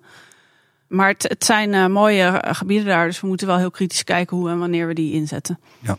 Ook deze waren onderdeel van de besprekingen met Natuurmonumenten. Ja, en, en ik heb ook al een keer gelezen dat, dat hier wel parkeergarages mogelijk zijn en beoogd. Is dat ook nog steeds zo? Het mag van het bestemmingsplan. Juist vanwege ja, efficiënt ruimtegebruik zou dat hier kunnen. Het is wel heel, heel prijzig om parkeergarages te bouwen. Dus daar moeten we elke keer wel heel goed kijken waar wat nodig is. Oké. Hey, laten we naar het westen gaan kijken. Ivo, wat is daar eh, mogelijk? Nou, als we naar de westelijke eh, uitbreidingsgebieden van het attractiepark kijken, dan zijn het eigenlijk twee, eh, t- twee deelbestemmingen eh, die eh, t- ten westen en ten oosten van eh, de Donauweg liggen. Eh, voor beide percelen geldt eigenlijk hetzelfde. Eh, ze hebben een, eh, een, een, hoger bebouwingspercentage van 60%. Dat komt voort uit eh, nou ja, het feit dat die, die percelen dichter tegen de bestemming eh, of eh, tegen de kern van Kaatsheuvel aan liggen en daardoor vanuit geluid een aantal beperkende maatregelen zijn. En vandaar dus ook een hoger bebouwd, bebouwd percentage, omdat je waarschijnlijk meer inpandige attracties zou moeten gaan realiseren in die zone. Er geldt een maximale bebouwingshoogte van, eh, van, eh, van, van 25 meter, eh, die ook uiteindelijk door het college tot 30 meter hoog bestemd kan worden. Maar er is wel een duidelijke opbouw, dus zowel aan de zuid- als aan de noordkant hebben we een, een beperking in hoogte. Dus er zit een, een opbouw in van 15 naar, of van maximaal 15 aan de randen tot maximaal eh, 25 slash 30 eh, in, in, in het centrum van, van, van dat gebied. En uiteindelijk geldt ook voor die twee eh, zones dat daar een groen percentage opgenomen is van 15%. Eh nou, als je die vergelijkt met wat er aan de oostkant eh, gesteld wordt, is dat natuurlijk beduidend lager. Maar dat heeft natuurlijk ook weer te maken met nou ja, die inpandige attracties en eh, die, die hogere bebouwingspercentage. En daar mag je niet één groot bouwvolume neerzetten. Het moeten losse bouwvolumes zijn. Nou ja, daar staat uiteindelijk staat er in het beeldkwaliteitsplan staan weer een aantal aanvullende eh, eh, zaken benoemd. waar, waarin in ieder geval die aaneenschakeling van gebouwen, niet grote bouwvolumes, dichte wanden, nou ja, dat soort zaken staan in het beeld, beeldkwaliteitsplan verder, verder benoemd. Ja. ja, en in het uiterste westen is er ook nog een gedeelte wat alleen als parkeerterrein bestemd is. Hè? Ja, uiteindelijk als je nog verder naar het westen gaat, ligt daar een heel groot vlak wat, eh, wat, wat eh, de, bestemming parkeren heeft. Hoe, hoe gaat dat eigenlijk plaatsvinden in de toekomst? Hè? Want we hebben nu natuurlijk het hoofdparkeerterrein. Dat blijft als het goed is eh, voor een deel parkeerterrein. En we hebben nu het, het vak KLM, wat toch best fors is. En dan hebben we nog aan de overkant van de Donauweg vak O als, als overloopparkeerterrein voor de echt drukke dagen. Ehm, maar als jullie straks beginnen met de uitbreiding aan de westzijde. Eh, van in, in de vorm van dagrecreatie, wat het ook mag zijn. Betekent dat dat het parkeerterrein in één keer verhuist naar helemaal het uiterste westen? Of gaat dat gefaseerd straks? Hoe, moet ik dat voor me zien? Nou, uiteindelijk gaat die hele ontwikkeling van parkeren en parkeervoorzieningen gefaseerd. Eh, in het bestemmingsplan eh, zit een regeling waarin staat hoeveel parkeerplekken de wereld van Efteling moet herbergen bij een x aantal bezoeken. Nou ja, dat is, dat is een heldere berekening. Maar uiteindelijk hangt daar een hele complexe strategie achter. Als je dan kijkt naar waar liggen dan die parkeerplaatsen. er zitten een aantal zaken in die zijn weer gekoppeld, bijvoorbeeld aan de oostelijke uitbreiding. op het moment dat we die in gebruik nemen, dan zal er ook aan de oostzijde een deel van de parkeervoorzieningen langs de Horst gerealiseerd moeten zijn. Nou ja, dus, dus het is best een complexe puzzel die enerzijds gerelateerd is aan stappen die je neemt eh, in de ontwikkeling van je uh, attractiepark. En tegelijkertijd uh, zitten er een aantal zaken aan die gekoppeld zijn aan gewoon bezoeken of het toename van het aantal bezoeken dat de wereld van Efteling bezoekt uiteindelijk, of we nou eerst West of eerst Oost, uh, ja, dat is afhankelijk nog van zoveel parameters. Dat je niet heel duidelijk kan zeggen van nou, er is een moment dat we eerst Oost beginnen en dan doen we ook uh, tegelijkertijd Oost in één beweging of tegelijkertijd West in één beweging.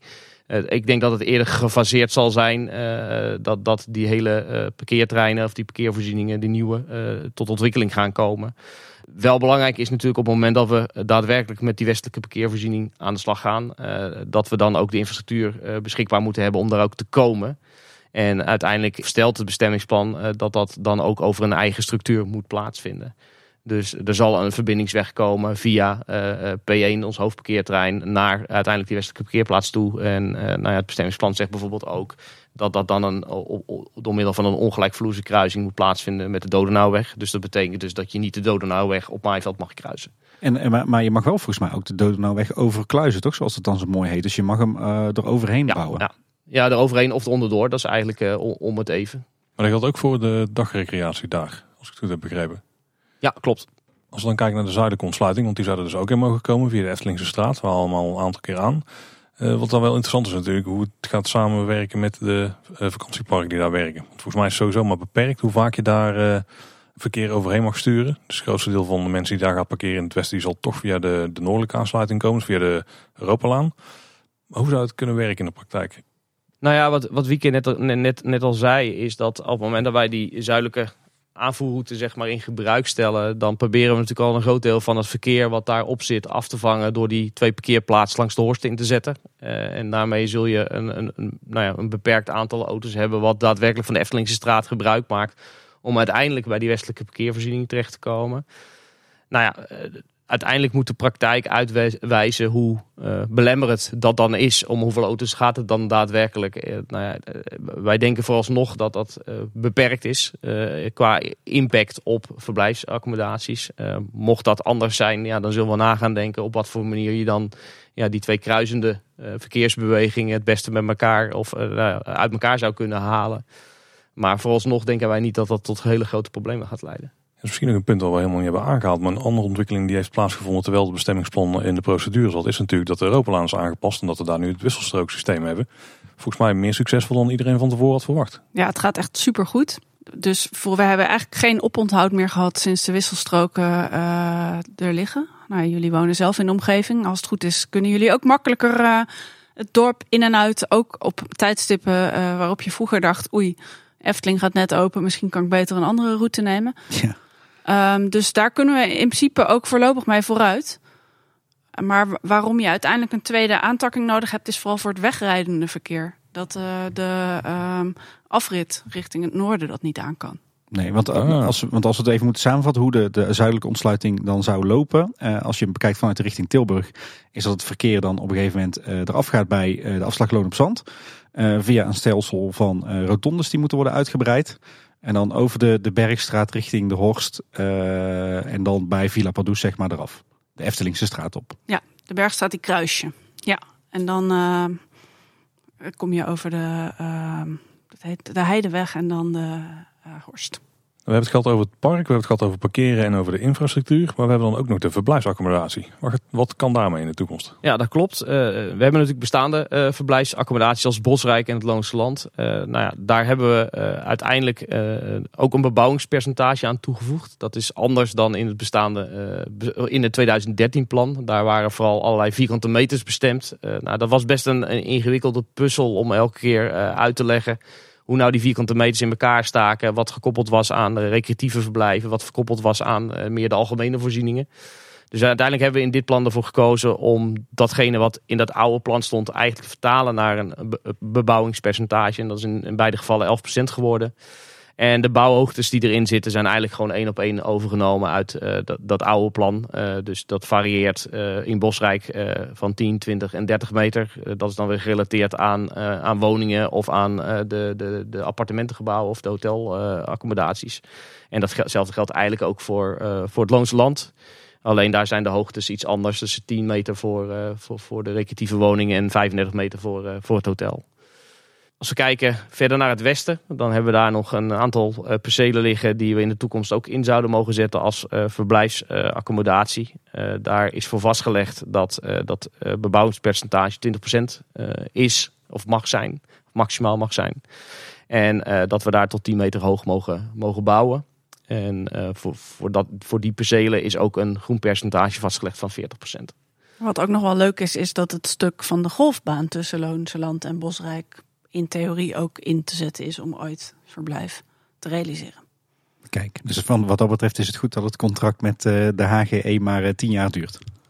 Nou, we hebben ook daar geen concrete plannen voor, maar het is, ik heb alsmaar hier interner geroepen, ik ga niet over wat we er gaan doen, maar ik wel over het mogelijk maken. Mm Het is mogelijk. Ja, en, en daarvoor geldt dat er wel een maximaal aantal bebouwen vierkante meters is vastgelegd. Maar het zou dus kunnen zijn dat, eh, dat het terrein eh, gehandhaafd blijft. Maar dat op een gegeven moment de golfsport daar toch ophoudt.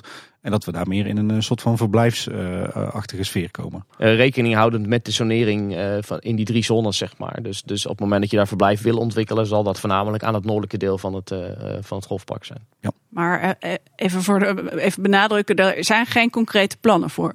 Leuk dat je het zegt, want eh, volgens mij hebben we nu de, de verschillende eh, deelgebieden wel besproken. Iets wat wij ons altijd hebben afgevraagd is, hebben jullie er nou bewust voor gekozen om, om uh, toch de meeste bestemmingen heel vaag te houden? Hebben jullie zelf intern wel een helder beeld wat nou waar gaat komen of, of weten jullie het ook gewoon niet? Nee, we hebben wij weten het echt niet. dus we hebben gekozen voor een flexibel bestemmingsplan. En het is dus heel het zoeken geweest naar hoe wij het flexibel kunnen houden en kunnen meebewegen met ontwikkelingen in de markt en met trends en alles. Uh, en tegelijkertijd wil je de omwonenden zekerheden geven. Um, maar dat, ma dat maakte het niet makkelijker. Meestal is een bestemmingsplan concreter. Als we dan toch over uh, vage dingen hebben. Stel wij doen zelf een bouw, bouwaanvraag bij de gemeente. Dan moeten we best gedetailleerde uh, stukken aanleveren. Bij de Efteling is dat niet het geval. En dat vinden wij als liefhebbers natuurlijk altijd heel vervelend. Want we kunnen al, al details al een beetje van die tekeningen aflezen. Weten jullie hoe het komt dat, dat de situatie zo is? Want we hebben, de, we hebben bij de gemeente gevraagd. Tenminste aan de burgemeester, die wist het niet. Maar jullie misschien Nou, wel? het is niet zo dat wij andere vergunning aanvragen mogen doen als jullie. Dus wij moeten ook al die gedetailleerde dingen bij de gemeente aanleveren. Maar wat wij wel mogen is met de gemeente afspreken dat zij niet al die details aan jullie geven. Ah, is dat? Oké. Dus de gemeente moet uh, net zo goed bij ons kunnen toetsen of iets constructief deugt. En daarvoor heb je echt alle details nodig en hoe het eruit ziet. Uh, maar omdat het uh, ja, in ons bedrijfsbelang soms wel fijn is om eerst te weten of het echt kan voordat we gaan vertellen wat we echt gaan doen, dan mogen we het iets abstracter naar buiten brengen. Voordat uh, liefhebbers er te veel recht aan gaan ontleden. Ja, en voordat wij uh, avondenlang in bouwtekeningen gaan duiken, Paul. Ja. Misschien is het ergens ook maar goed. Zelfbescherming of in ieder geval bescherming van ons. Ja, hey, jullie hebben het net over dat jullie eigenlijk ook nog, nog geen idee hebben wat jullie met al die, die nieuwe bestemmingen gaan doen. Maar ik kan me voorstellen dat er wel concrete plannen zijn, in ieder geval voor de oosten, oostelijke uitbreiding, toch? Nou, we zijn aan het nadenken wat we daar zouden kunnen. Dus ook daarvoor geldt, er liggen verschillende ideeën. En uh, nou ja, daar gaan we mee aan de slag uh, om, om die uit te werken. En uh, nou, hopelijk wellicht binnen afzienbare tijd er aan de slag te gaan. Dan, dan vermoed ik op mijn volgende vraag eenzelfde soort antwoord, maar ik ga hem toch stellen. Er zijn plannen om in het westen te kunnen parkeren. Dat is best wel een weg van het Huis van de Vijf Zintuigen. Dan moeten er toch wel in ieder geval ideeën zijn geweest, al zijn ze maar heel ruw, van dat er iets van misschien transport die kant op is. Of dat er ook een poort uh, dichterbij die, uh, die hoek komt, als dan een uitbreiding is aan de westzijde. Nou ja, op het moment dat je daar daadwerkelijk die parkeerplaats gaat realiseren. En afhankelijk van welk tijdstip dat is en waar je dan, uh, dan daadwerkelijk ja, je attractiegronden hebt liggen. Ja, ga je nadenken over van, uh, nou ja, moet je iets hebben om gasten van A naar B te krijgen. Maar tegelijkertijd weten we ook dat, nou ja, dat, er, dat er als die parkeerplaats of die parkeervoorziening in gebruik is, dat er heel veel mensen staan die eigenlijk allemaal bij voorkeur binnen datzelfde tijdstip deze kant op komen. Dus, dus als je daar iets wil maken, dan moet het ook wel een bepaalde capaciteit hebben. En uh, nou ja, dat is denk ik de grootste uitdaging ja. om, uh, nou, om over na te denken op het moment dat die vraag daadwerkelijk daar is. Ik hoop dat jullie alvast wel een beetje hebben nagedacht en in ieder geval hebben kunnen bepalen dat die capaciteit wel te realiseren is, mocht het ooit nodig zijn. Nou ja, dat, dat, dat, dat, daar, daar denken we natuurlijk over na. En, en er zijn allerlei verschillende systemen nou ja, wereldwijd in, bij verschillende attractieparken te bekijken. Uh, maar uiteindelijk is het ook de vraag van wat past het beste bij de wereld van Efteling en bij het gedrag van onze mensen en, uh, en de aankomstpatronen die wij hier hebben. En, en een passende oplossing is er nog niet, denk ik. Uh. Ja, en het hangt er ook helemaal vanaf wat we dan gaan doen daar en wie waar heen moet en waarom. Want dat weten we echt nog niet. Een, een hele prangende vraag, maar dan kan ik het antwoord eigenlijk ook wel raden. Maar dat is, uh, wat gaan jullie nou aan het westen doen? Hè? Aan het oosten uh, weet het wel. Dat wordt gewoon een uitbreiding van het, uh, van het park op een beetje dezelfde stijl en thema van de rest van het bestaande park. Maar goed, aan de westzijde mag natuurlijk een heleboel. we horen geluiden over een eventueel een second gate, over een volwaardige uitbreiding van het attractiepark, over een, een uitrijk, over een zwembad, noem maar een dwarsstraat. Is daar al iets van bekend intern bij de Efteling wat jullie nou aan die kant willen gaan doen? Nou ja, dat sluit eh, denk ik aan bij die duizend en één ideeën waar we het over hadden. en uh, nou ja, uiteindelijk uh, mogen we daar een aantal dingen. We weten dat we een hoog bebouwingspercentage hebben. we weten dat het uitbreidingsgebieden voor, voor, nou, voor attractiepark zijn. maar wat we daar precies gaan doen, absoluut nog geen duidelijk beeld bij. Nee. Bij de eerste zitting vroeg de staatsraad dit ook aan mij. En toen dacht ik, als ik nu gewoon iets zeg, niet iets wat waar is, maar gewoon iets, dan is het een kop in de krant. Ja, zo gaat het. Maar heb ik niet gedaan. Nou, daar, daar, loopt iedereen naar te hengelen en wij natuurlijk ook. Misschien ook goed voor de luisteraars om te weten. Stel je denkt aan de rand van had deze vraag nou gesteld. Ik denk dat je in veel geval dit antwoord had gekregen. Dus uh, heb daar even in je achterhoofd. ja. Hey, we hebben het net al gehad over jullie contact met, uh, met de direct omwonenden. En waar ik nog wel benieuwd naar ben, is had de gemeente daar ook een rol in, in die keukentafelgesprekken of, of in de meer formelere gesprekken? Nee, eigenlijk niet. Want het is echt uh, de bedoeling dat je als degene die het plan maakt, dan wij zijn de initiatiefnemer, dat jij ook dat contact doet. Um, en de gemeente heeft juist meer een toetsende rol gehad om de balans te bewaken tussen de omwonenden en de Efteling. Uh, dus het was eigenlijk wel belangrijk dat wij zelf die gesprekken deden en dat de gemeente zowel uh, ambtelijk als bestuurlijk steeds kon kijken van is er nog genoeg balans tussen de twee belangen. Ja, het was niet zo dat de gemeente er als mediator tussen ging zitten. Nee, dat, wij kunnen dat ook best zelf. Sterker nog, bij de, bij de uh, bijeenkomsten die we hadden met omwonenden, ook in het gemeentehuis, uh, nou ja, waren wij gewoon als initiatiefnemer aan zet. De gemeente liep daar wel rond, maar niet als onderdeel van, nou ja, van, van het project. Wieke, de laatste keer dat we jou spraken, toen, toen waren de tijden waren nog anders. Hè? Corona was toen nog een biertje, zoals we wel vaker hebben geroepen.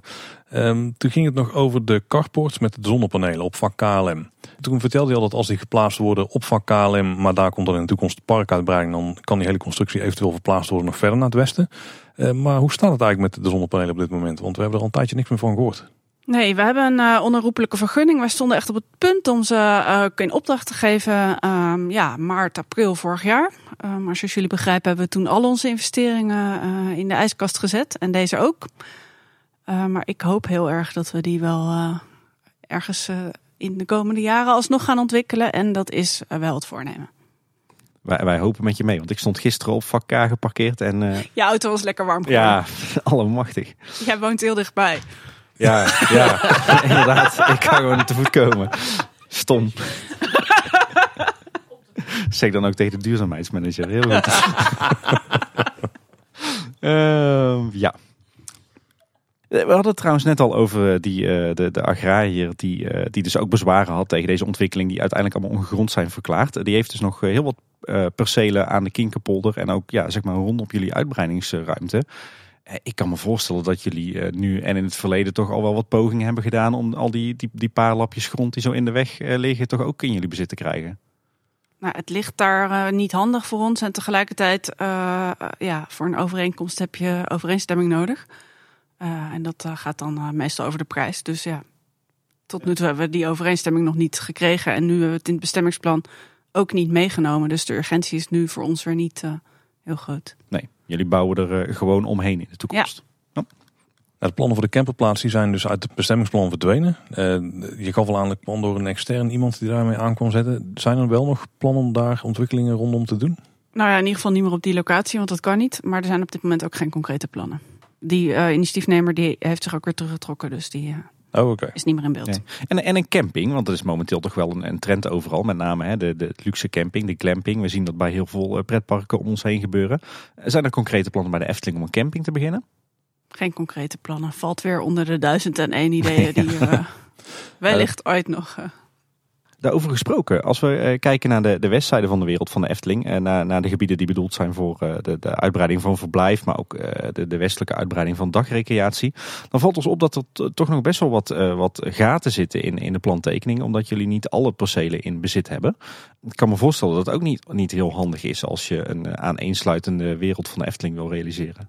Ja, dat is eigenlijk een beetje hetzelfde antwoord als over die andere percelen rondom de parkeerplaats. Ehm, we, zijn niet, eh, we zijn geen risk aan het spelen. Het is niet zo dat we de hele tijd aan willen vallen vanuit het aangrenzende landje. Dus als iemand iets te koop aanbiedt, dan zijn we altijd geïnteresseerd. Maar we gaan niet ten koste van alles ehm, eh, op pad om gronden te kopen. En uiteindelijk kun je met hoe het er ligt ook altijd wel weer iets maken. Ja. Maar het is niet zo zoals in de jaren 50 met eh, de stichting dat, er, dat het doel was om zoveel mogelijk omliggende grond te kopen. Ja, als je nu het bestemmingsplan ziet, dan denk je dat is in die tijd best goed gelukt. Eh, en daar kunnen we gewoon heel lang mee vooruit. Ja, precies. Helemaal in het westen daar is natuurlijk de, de uitbreiding voor parkeren eh, bestemd. Is er ooit sprake van geweest om er ook dagrecreatie te kunnen plaatsen? Of hebben jullie altijd het idee gehad van dat is iets waar we niet aan moeten beginnen? Nee, niet specifiek. Kijk, je weet dat, eh, dat we al heel snel eh, de, de afspraak of de keuze gemaakt hadden om die noordelijke zone eh, te ontwikkelen tot verblijfs of tot, tot dagrecreatie. En, en dan voornamelijk attractiepark. En ja, daar hoort ook parkeren bij. Dus uiteindelijk moet je in die hele strook moet je zowel nou ja, recreatieve bestemming, uitbreiding attractiepark regelen, als dat parkeren wat erbij hoort nou ja, om toch eh, zo, zoveel mogelijk aansluiting te houden tussen eh, nou ja, je bestaande park en, en de uitbreidingsgebieden, hebben we er bewust voor gekozen om het parkeren zo ver mogelijk naar het westen te brengen. Ja. Dus het is eerder vanuit de, de, de strategie om attractiepark bij elkaar te houden dat daar een parkeertrein terechtgekomen is, dan dat we eh, nou ja, nagedacht hadden van jongens, de- het attractiepark kan helemaal in die westelijke hoek. En, nog even over dat parkeerterrein. En, gaan we nu eindelijk ook eh, in, de, in de toekomst een heel groen parkeerterrein zien? In plaats van vak K, wat toch eh, vooral heel veel asfalt is. Nou ja, ik denk dat dat heel erg belangrijk is, is dat die landschappelijke structuur, eh, waar we het eerder over hadden, die ook vastgelegd in het beeldkwaliteitsplan, die gaat eraan bijdragen dat alle, alle bestemmingen, dus ook de parkeerterreinen, groen ingepast gaan worden. Uiteindelijk is een parkeerterrein wel een, een, functioneel, een functionele voorziening, eh, waar, eh, waar je zo snel mogelijk eh, eh, mensen eh, met een auto wil laten parkeren. Eh, dus uiteindelijk zul je in de toekomst, eh, ja, blijft een parkeerterrein voornamelijk eh, verhard. Uh, maar uiteindelijk eh, kijk je er wel naar van hoe kun je dat eh, zo mooi mogelijk in zijn omgeving wegzetten. Dus ik, ik denk dat, dat, dat de keuzes die gemaakt zijn in het beeldkwaliteitsplan en het bouwen aan die landschappelijke structuur, ja, dat, dat dat een hele goede, eh, goede keuze is ook voor, voor de omgeving. En uiteindelijk de vlakken daarbinnen, ja, dat je die zo functio- functioneel mogelijk houdt. Maar goed, er zijn natuurlijk ook tegenwoordig prachtige oplossingen in de markt eh, om eh, semi-verhard eh, te parkeren hè, met eh, groen. Denk aan allerlei grasbeton tegels. En, ja, dat, dat, en- dat, dat werkt heel goed in, in een omgeving waar niet intensief be- gebruik gemaakt wordt van de parkeervoorziening. Want de meeste toepassingen die zijn op plekken waar je eens in de zoveel tijd een parkeerplaats gebruikt. Nou ja, dit zijn bij ons zijn natuurlijk parkeerterreinen die het grootste deel van de dag er auto's bovenop staan.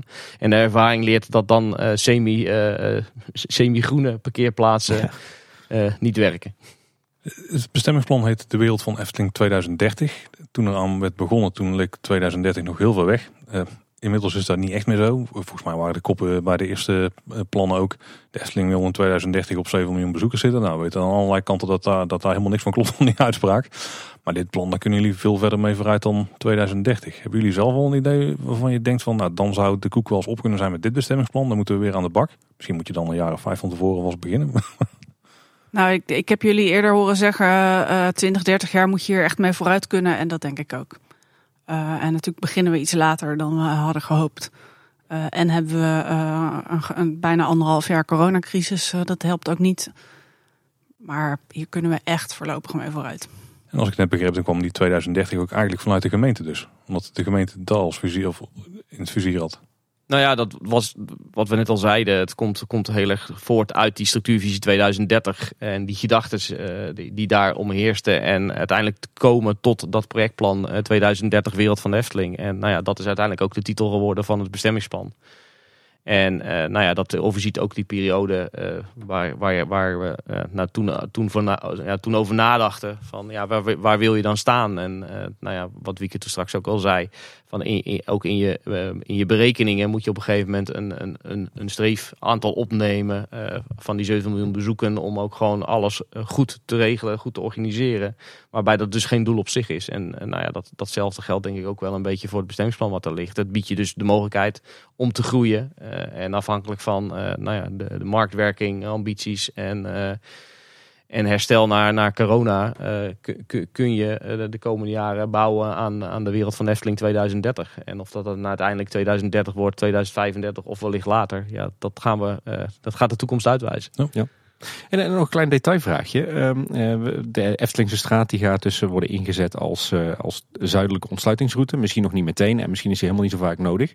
Um, maar ik heb ergens in de plannen gelezen dat, dat die weg niet aangepast hoeft te worden daarvoor. Maar hoe zien jullie dat voor je? Hoe kan die nou ja, toch authentieke, maar ook vrij krappe weg worden ingezet als een, een ontsluitingsroute?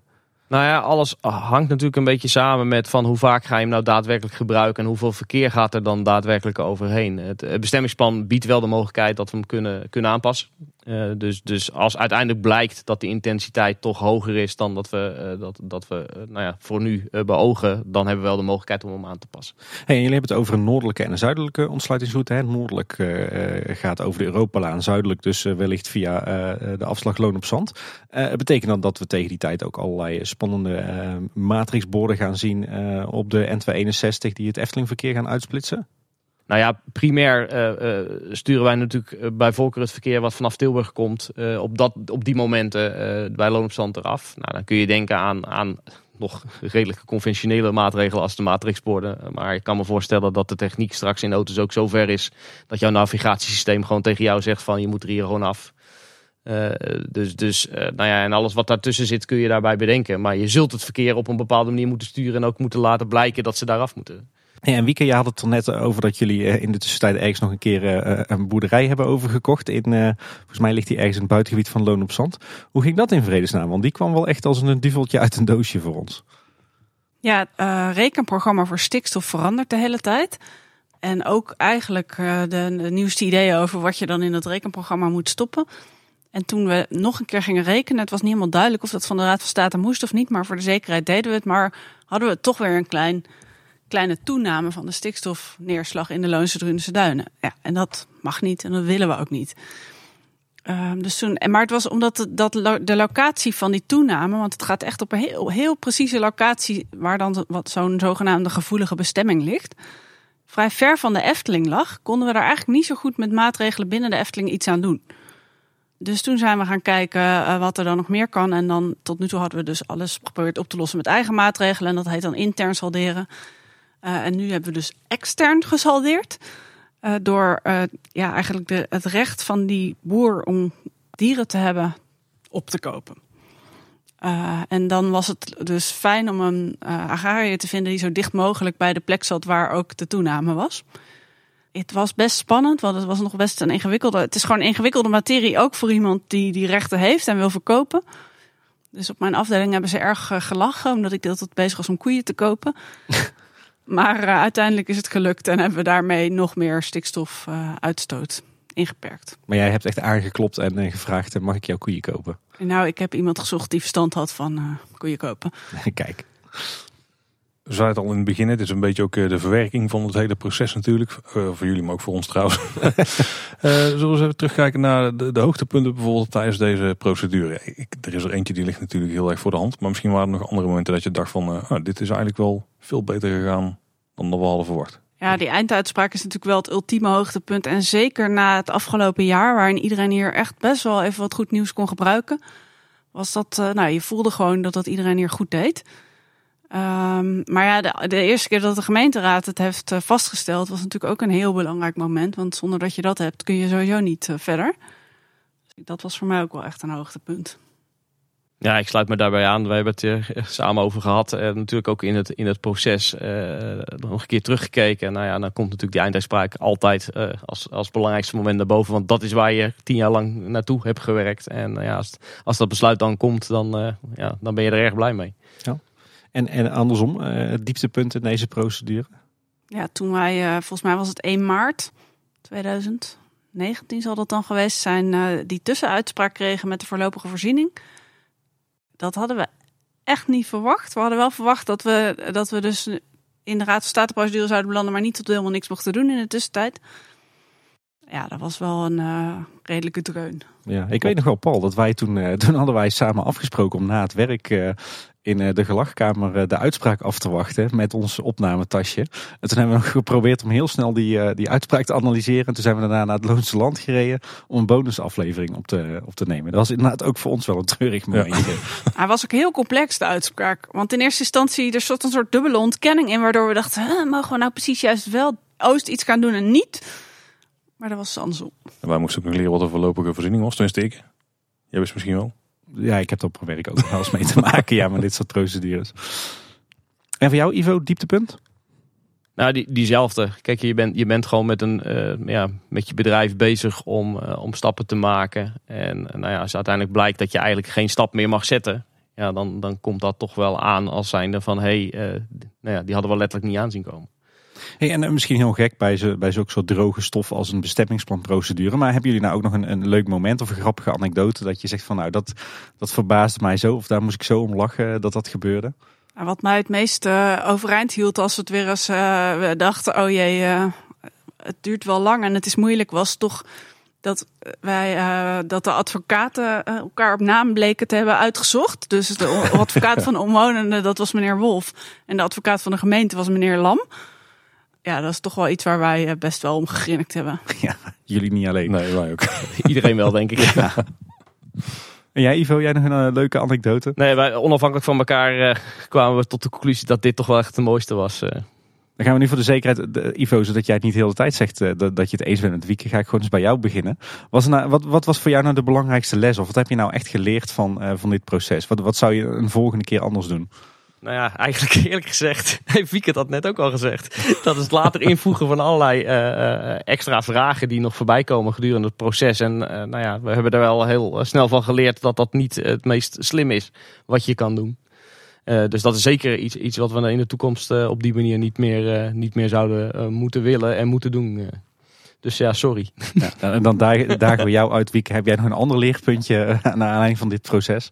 Nou, ik heb nog wel iets wat ik vind dat we dat echt leuk is geweest en dat we ook goed hebben gedaan, hoewel ik het ook spannend heb gevonden. En dat is de natuurcompensatie. Want dat hebben we echt anders gedaan dan anders. Je kunt dat heel formeel doen en uitrekenen hoeveel hectare bos je dan ergens moet kopen. Maar wij zijn echt om tafel gegaan uh, met de natuurorganisaties, met de gemeente, met het waterschap. Van wat is nou de, de ecologisch meest waardevolle manier om die natuur te compenseren? En daar is de, het idee van een ecopassage of een recroduct, maar inmiddels heet het een ecopassage, want misschien dat die wel niet eroverheen, maar er onderdoor gaat uitgekomen. Zou ik niet doen. Die analyse heb ik ooit al eens gemaakt. Maar goed, dat is een ander verhaal. En dat is, uh, ik weet niet of ik het de volgende keer anders zou doen. Ik heb het wel spannend gevonden in het Raad van State proces, omdat we dus afwijkend iets hadden gedaan.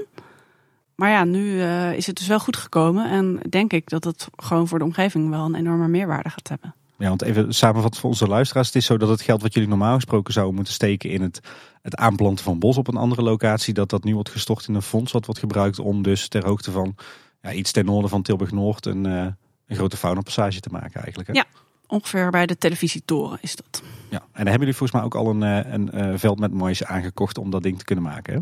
Dat zou de aanlandingsplek van het uh, ecopassage kunnen worden. Ja. Nou hoorden wij trouwens laatst ook een vaag verhaal van iemand dat de Efteling grond in Groningen zou hebben om bos te planten. Is, wat klopt daarvan?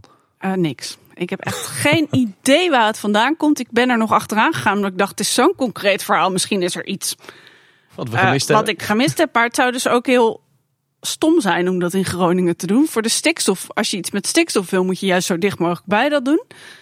Um, en er is hier ook genoeg mogelijkheid om bos te planten. Ik heb echt geen idee waar dit verhaal vandaan komt. Wij, wij geloven het eigenlijk ook niet, nee. Dan vinden we een stukje planning ook nog wel interessant. Uh, ik, ik, ik, denk dat we het antwoord wel kunnen raden, maar toch gaan we weer stellen. Wat gaat er nou gebeuren op de korte termijn, de middellange termijn en de lange termijn? Gaan jullie al wat doen in, in, in het kader? Hè? Want ik bedoel, er mag nu van alles. Gaan er op de korte termijn al dingen gebeuren? Al is het maar ergens een lantaarnpaal zetten. Er is vast wel een idee om ergens een lantaarnpaal te zetten. Het was maar een voorbeeld. Hè? Maar, maar, niet op een van de uitbreidingslocaties. Want dan moeten we dus eerst uh, een uh, omgevingsvergunning met milieu aanvragen. En uh, verder kan ik er alleen maar over zeggen. De eerste stap zal naar het oosten zijn.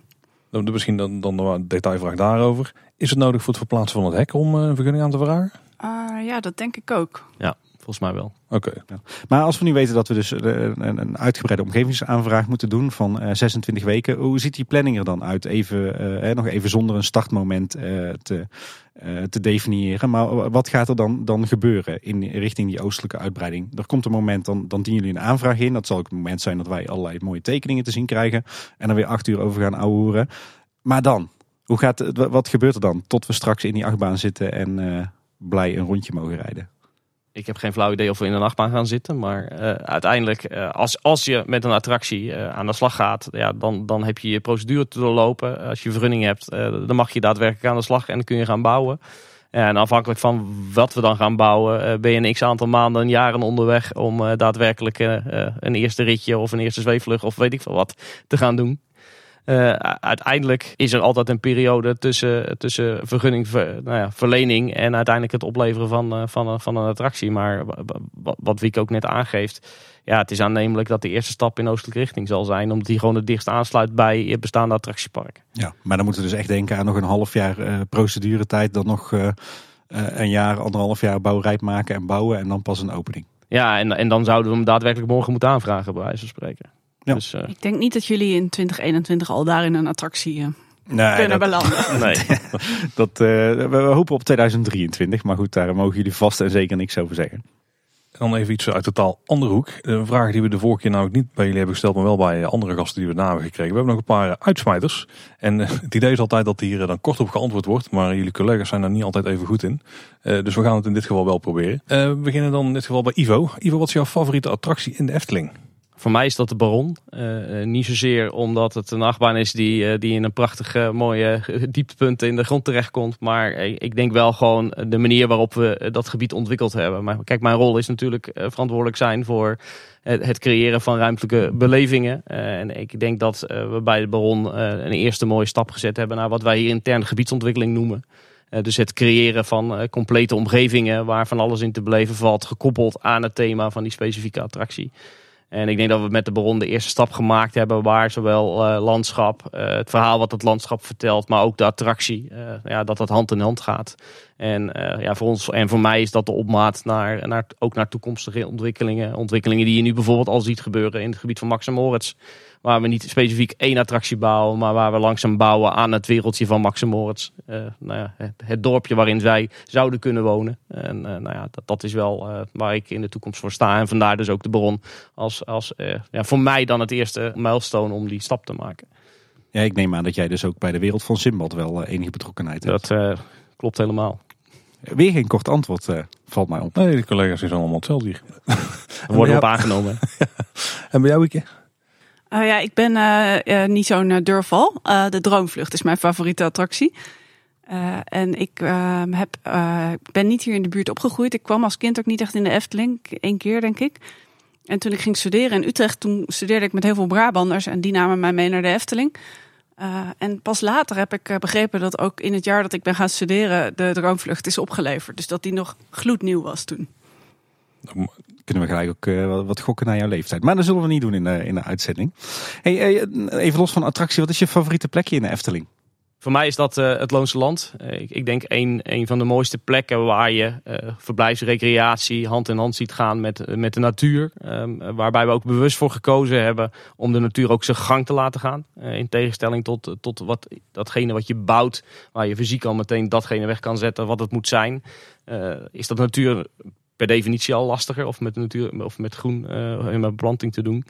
En eh, nou ja, het Loonse Land hebben we er ook bewust voor gekozen om gewoon een aanzet te geven tot natuurontwikkeling. En gewoon de natuur de- zijn gang te laten gaan en eens te kijken wat ontwikkelt zich daar nou daadwerkelijk de komende jaren. En ja, daar vind ik, daar vind ik zelf een heel mooi voorbeeld van, eh, van het vak waar ik voor sta. En bij jou, Wieke, mooiste plekje in de wereld van de Efteling? Ja, een van de plekken waar ik heel graag even altijd blijf staan is bij de rode schoentjes. Ik vind het zo bijzonder hoe iets wat zo oud is nog steeds eh, zo'n fascinerende werking heeft op, op kinderen. Ik vind dat echt geweldig. En zijn er ook nog andere parken die favoriet zijn? Misschien andere attracties? Nou ja, voor mij is, is, is, is het meest interessante is natuurlijk die twee, waar die twee werelden samenkomen. De wereld van attractiepark samenkomt met de, de wereld van, eh, van natuur en landschap. En het creëren van eh, ja, landschappelijke belevingen. Ja, daar is voor mij maar één park wat dat eh, ook heeft, dat is eh, onuitspreekbaar. Paradijsa in eh, de dierentuin in, eh, in Zuid, eh, Zuid-België Zeker. is een Ja. prachtig voorbeeld van eh, hoe eh, natuur en landschap en eh, de attractiewereld samen kunnen gaan. En jij, Wieke? Ja, ik zei al, ik ben niet zo'n deurval. Dus het is niet zo dat ik heel veel in attractieparken kom. Maar ik heb wel het genoegen mogen hebben om eh, naar Orlando te gaan. En ik ben eigenlijk wel ontzettende Harry Potter fan. Dus ik vond die de Harry Potter attracties daar wel echt geweldig.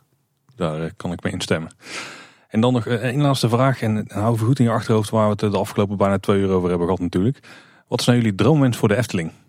Ja, ik, eh, ik hoop dat. eh, ik ben er echt heel erg trots op en heel blij mee dat we nu weer heel lang vooruit kunnen. En ik hoop dat we dat in een goede harmonie met de omgeving eh, ook gaan doen. Ja, ik heb hem voor mezelf eh, samengevat als eh, dat de wereld van de Efteling over 100 jaar eh, nog steeds de meest natuurrijke en sprookjesachtige plek op deze aarde mag zijn. Kijk, Dat hopen wij met je mee, eh, Ivo. Dat is denk ik een hele mooie om mee af te sluiten. Hey Paul, dan zijn we een keer eh, precies binnen de tijd gebleven. Eh, dat gebeurt anders ook nooit. De rest ons denk ik eh, ni- niet veel meer dan, eh, dan jullie, Ivo en Wieke, ontzettend te bedanken. Dit, dit heeft ook op ons een ontzettende therapeutische uitwerking. Want we zijn natuurlijk drieënhalf jaar geleden begonnen met Kleine Boodschap. Nou ja, toch denk ik vooral vanwege het, de bestemmingsplanprocedure. En we hebben het er ook heel vaak over gehad. En het was ontzettend fijn om er nou eens een keer met twee mensen over te kunnen praten die er echt verstand van hadden. Want meestal zijn wij toch een beetje roepende in de woestijn op dit, dit onderwerp. Dus dank jullie wel voor dit stukje verwerking. Ja, ik moet zeggen, ik was ook altijd blij dat er iemand wel al die stukken las hoor. Daar hadden wij dan heel erg ons best op gedaan en ik was blij dat iemand ze las. Tot in elk detail zelfs. Dus eh, Ja, dat was eh, graag gedaan. Daar houden. ja, inderdaad. Luisteraars, we kunnen niet beloven dat we het er nooit meer over gaan hebben. Het bestemmingsplan is eh, wat dat betreft wel afgesloten. Alleen, eh, ja, het is soms nog wel relevant. Dus soms moeten we het nog even aanhalen. Maar voor nu eh, denk ik dat we er een tijdje stil over zijn. Ja, dit is wel een mooie afronding dit hè. Inderdaad. Nu gaan we het weer gewoon hebben over het bouwen van attracties en, het, en uitbreidingen en dergelijke. Laten we hopen dat we daar heel snel weer over kunnen hebben. Nou, we hebben in ieder geval de wereld van Simbad om al eh, naar uit te kijken. Daar eh, kunnen we ook nog aardig wat uurtjes mee gaan vullen de komende tijd. Ja. En Wieke Niveau, nogmaals bedankt. Ook voor de expertise een keer aan tafel eh, en daar uitgebreid over kunnen en mogen praten in dit geval. Dus uh, dankjewel. Graag gedaan. graag gedaan. Mocht je nou toch nog denken van ik heb toch nog een vraag over bestemmingsplan. Ja, dan moet je die toch aan ons stellen. Eh, En dan gaan wij weer ons best doen in, roepend eh, al in de woestijn om daar een antwoord op te geven of niet. Hopelijk heb je een hoop antwoorden al gehad. Maar wil je iets aan ons kwijt, dan kan het onder andere via Twitter. Daar zijn we @k Boodschap. En op Facebook en Instagram zijn we Kleine Boodschap. Onze website is kleineboodschap.com. Daar vind je alle afleveringen en ook de show notes. Plaats ook een aantal relevante linkjes. Zullen er ook eens eentje bij doen naar ruimtelijkeplan.nl. Waar dit Ja, plan eh, kunt idee, bestuderen. Ja. Dan kan iedereen het zelf nog eens uitpluizen. En dan vind je ook het contactformuliertje. Ja, en verder eh, kan je ons ook mailen. Dat kan naar eh, info.kleineboodschap.com. En eh, je luistert ons bijvoorbeeld op Spotify, in alle mogelijke podcast apps en natuurlijk op onze website. En denk je nou, kleine boodschap, dat is best leuk. Ik ken iemand die vindt het ook leuk om daarnaar te luisteren. Geef het dan even door en mond-op-mond reclame werkt bij ons het beste. En hoe meer luisteraars, hoe meer vreugd. Ja, en luister je ons in een podcast app, abonneer je dan zeker ook. En luister je ons in, in Apple Podcast, dan vinden we het ook altijd leuk als je een rating of een review achterlaat. En nogmaals, Ivo en Mieke, bedankt. En eh, luisteraars, dit was weer voor deze week. Tot de volgende keer en houdoe. Houdoe waar. Tot ziens. Dankjewel.